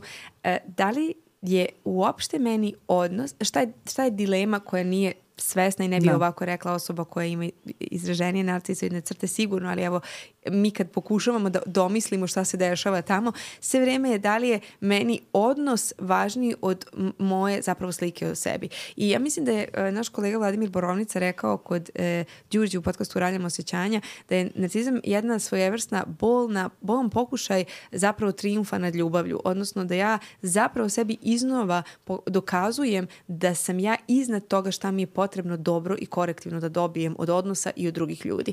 I to, tu već govorimo o patologiji. Ako im, idemo u tom smeru, e, jer ti ljudi najčešće mnogo lakše gube odnose, mm. jer suštinski ne vrednuju dobro što može da dođe mm. iz odnosa i iz reparacije odnosa. Zato, su, zato se odnosi lakše gube, jel? Mm. Zato mogu lakše da uh, popularno rečeno ghostujem nekoga i da se nikada više ne zapitam nad tim odnosom jer ja suštinski čuvam sebe od toga što je od pretnje koju bliskost i reparacija i ranjivost podrazumevaju. Sad zamislimo, e, vratim ćemo se, vratit ću za da. trenutak samo pred kraj na, na, na konstruktivizam. Konstruktivizam uvek govori da mi ne možemo da razumemo e, e, zašto neko nešto bira ne vidimo koje alternative ima pred sobom. E, možemo pojednostavljeno gledano da zamislimo da osoba koja je jako narcisoidna će često imati alternativu da sačuvam sebe ili da sačuvam odnos. Ali mm. ja ne mogu da čuvam i sebe i odnos. I, odnos. I mm. uh, uh, uh, ako mi je to postavka, mm. ja ću po svaku cenu pokušati da sačuvam Sačuvam sebe, sebe na način na koji znam i umem, makar demolirao odnos. Ovo je jako pojednostavljivanje, naravno da. neću, neću nikada redukovati i reći da ovo važi za sve ljude i uvek, ali uh, ako mi je, su mi to opcije, možda će nam biti lakše da razumemo zašto je neko završio odnos nama ili zašto nam se nije javio, zašto nam se izbegao, uh, suštinski zato što za tu osobu uh, priča o odnosu i bliskosti ima preveliku cenu mm. i njihovom iskustvu. Oni nemaju trenutno mogućnost niti kapacitet da se odnosom urade nešto drugo. Zapravo, ne mogu da se pobrinem za sebe, a da ne uništim odnos e, mm. na nekom nivou. E mm. E sad, uh, to je naravno šira tema od samo teme narcizma, ali mislim da je no. Da. jako važno spomenuti ovde i zapravo si piptala, a da li i njih po nešto mm -hmm. boli?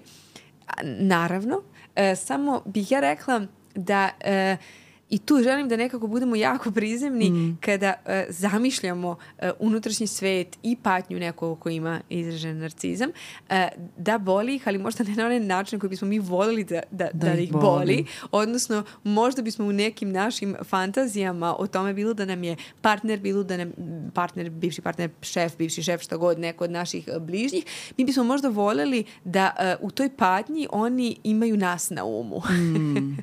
Ako nas nikada nisu imali na umu u one, na onaj način na koji nam je bio potreban, po svemu sudići nas ne imaju na umu i kada pate, mm. oni mogu da najčešće se investiraju u neki oblik patnje koji je opet preokupiran s samim sobom, opet je do nečega što se njima uzdrmalo možda u sistemu privremeno, znači neka slika o da. sebi, da. pa se mogu po, povući uh, iz, u momentima kada uh, zapravo osjećaju poniženje, uh, stid, tako je, boli, tako da. je, mm. uh, a često narcizam i stid su ruku pod ruku, mm. idu nekako jedni s drugim, zato što je zapravo uh, uh, u, u jedan element narcizma narcisizma stid od moje ljudskosti, od mojih potreba, od onog humanog, uh, onog humanog u meni kome treba drugi da mu pomogne kroz svoju mm -hmm. humanost da bude ovaj život podnošljiviji, ovo postojanje podnošljivije, ja se toga suštinski stidim jer je moje iskustvo toga obojeno poniženjem mm. ili o, kritikom ili mm. nečim gde sam prosto gde sam unižen mm. na neki način. Kad mi je neko drugi bio potreban, ja sam tada najčešće bila ponižena, jel tako. tako, u svom detinstvu i onda je to nepodnošljivo. To je nepodnošljiv mm. podsjetnik na ta iskustva mm. koja često, da bude samo jasno, koja često nemaju ljudi u svom svesnom, uh, mm. mislim da pitate ne, nekoga, ne, da, da pitate osobu koja ima izraženi narcizam, dođe vam na terapiju, da li ste ikada imali osjećanje da ste poniženi zato što vam je trebalo da s mama uteši, mislim, neću vam reći da, najčešće da. Nema, nema pojma o tome, jel? Da. Kroz terapiju možemo da dođemo do toga da zapravo je bilo uh, ponavljene poruke da nešto u mojim potrebama, naročito emotivnim potrebama od druge osobe bilo mm. uh, nekako uh, uh, mm. neadekvatno. Jel? Mm. I da samo skratim, možda je najkraći odgovor da verovatno ih boli jer postojati u tom unutrašnjem svetu nije nimalo prijatno iskustvo.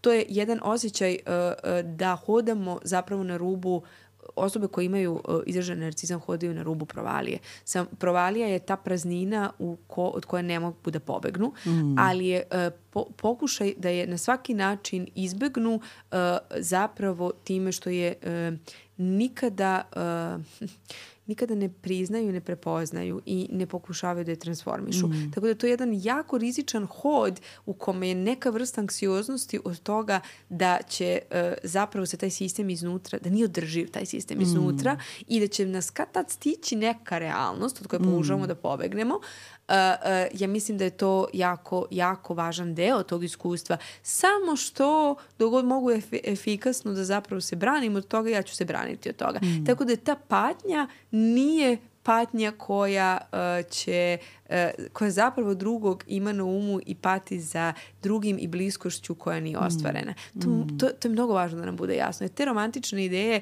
nas često i drže u tim odnosima. Da. Znaš, ako još jednom ponovim koliko da. je naš odnos važan, koliko treba da se repariramo, koliko je ranjivost da. važna, možda će ova osoba, ova osoba hiljadu prvi put shvatiti šta je bliskost. Uh, I da damo jednu nadu. Uh, terapeutima koji rade sa ljudima koji su u, u mm -hmm. negde malo ekstremni u narcizmu, nije ni malo jednostavan da. zadatak. Da. Ali ako je neko došao na terapiju, a ima neke izražene narcističke tendencije, ja moram da kažem da tu prosto ovo je moj osjećaj mislim da ga je neki zdravi deo dovne, doveo na terapiju da. mislim da ta osoba na nekom nivou uh, pokušava da zapravo u odnosima možda da razume bolje sebe, da razume zašto im ne ide dobro u odnosima, da. jer su odnosi često Tako. polje kojima jako, jako ne ide, ne mogu da ostvare dugoročne uh, zadovoljavajuće odnose, ali je... Um, najteži zadatak da mi u odnosu sa ljudima koji imaju izražene narcističke tendencije ponudimo drugačije iskustvo odnosa. Mm. To često za nas predstavlja jedan ozbiljan mm. zadatak i je, e, ko ponuditi korektivno iskustvo je ozbiljna, ozbiljna stvar u kojoj mi na izvestan način pokušavamo da imamo na umu krhkost nečijeg sistema, toga da je zapravo to što su tu i pokušavaju da nekako kažu da im treba podrška, već jedno ponižavajuće iskustvo za sebe negde u pozadini uma najčešće, da će se takmičiti za njam, sa nama za moć, da će pokušavati da budu superiorni kako bi zapravo izbegli da ponove uh, iskustvo koje imaju u nekim drugim mm. odnosima, ali to što ćemo mi uraditi, a ima nade i želim da kažem da i tekako možemo da radimo sa određenim narcističkim tendencijama, ne mislim da svako može da suštinski uradi nešto veliko, korektivno i rekonstruktivno, ali mnogi ljudi mogu nešto da urade mm -hmm. i da mhm. bolje e, odnose imaju, uh, ali je jako važno da imamo na umu, to je naše terapijsko iskustvo, te rad ne treba da radi niko u pri, privatnom odnosu. Hvala ti puno, pošto sve vreme mi to sad kao prolazi kroz glavu, da kao pošaljam neku vrlo jasnu uh, poruku. Niti je moguće. Da, Niti je moguće. mi smo nekako ovde pokušali danas da razumemo. Kako narcizam razvija, kako nastaje, šta je zapravo u tom, to što ti, što ti kažeš kada bi taj deo uh, narcistične strukture mogao da govori koji bi bio njegov da. narativ, da mi ponudimo taj da. narativ da. ljudima, da ih razumeju. Da. Ali to razumevanje nikako ne znači opravdanje onoga dakle. što oni rade kao bro, pod broj jedan. I pod broj dva ovo što ti kažeš, znači da ako jedan psihoterapeut mora sve svoje snage, znanja, da iskoristi da napravi jedan manji pomak Tako u radu sa tom osobom stvarno ono nada da ćete vi u svakodnevnom Tako životu uspeti da napravite tu promenu u nekoj osobi Tako je. I da spomenemo samo za kraj da. još jednu stvar e, gde nekako je, uh, evo mogu u svoje ime da kažem, mm -hmm. moj terapeut meni davno ovaj, vratio to kao moj narcizam i, i bio je u pravu, ovaj, da ne zovemo sve narcizmom i da ga ne banalizujemo, da. Niti, da od, niti da mi je ovde želja da nekako ljudi sad odu i krenu sebe da preispituju do, do, do besvesti i nazad. Ako imate sumnju da imate neke narcistične tendencije, mislim, obratite se terapeutu, uvek možete nekoga da konsultujete za takve stvari, ali ne, nemojte probati sami sebe da vam je verovatno i sigurnost ako imate sumnje, možda i nemate. Ako imate sumnje, verovatno nemate, ajde da kažemo verovatno nemate. Da. Jer svi ljudi koji dolaze na terapiju da. su počeli u nekom trenutku da imaju sumnje da. o tome i neki od njih su bili u pravu. E sad, uh, ono što je on meni vratio kao, kao ovaj, uh, jako mi je važno što mi je to vratio tada, mm -hmm. rekao je, uh, mislim, vraćao mi je zapravo uh, uh, ideju o tome da ja iz nekog pak uh, tada uh, dosta detinjeg dela sebe uh, uh, im, sam imala želju da verujem da nekome možemo da objasnimo uh, uh, da, da ako dovoljno puta ponovimo naučit će način da zapravo bude u druga, da, da, da bude u drugači, na drugačiji način u odnosu. Odnosno da možemo svojim sipanjem ono ljubavi i podrške empatije mm. bilo kome na ovom svetu da uh, zapravo promenimo način na koji su oni sposobni da vole druge mm. i da sposobni da stupaju u odnose i u kontakt sa drugima je jedna jako opasna zabluda i može u nekoj smislu kako se on tada našalio da se pripiše našem narcizmu jer mislim ko smo zamislili da smo mislim ne može ni, ne može ni terapeut uh, večnom uh, empatijom i podrškom da transformiše nikoga ko ne želi da zapravo suštinski uzme nešto korektivno iz tog odnosa i uradi da. nešto s tim. Mi nemamo tu moć na drugima i to može da bude deo ne nekada naših narcističkih fantazija o tome da drugi mogu da budu ono što bismo mi volili da budu.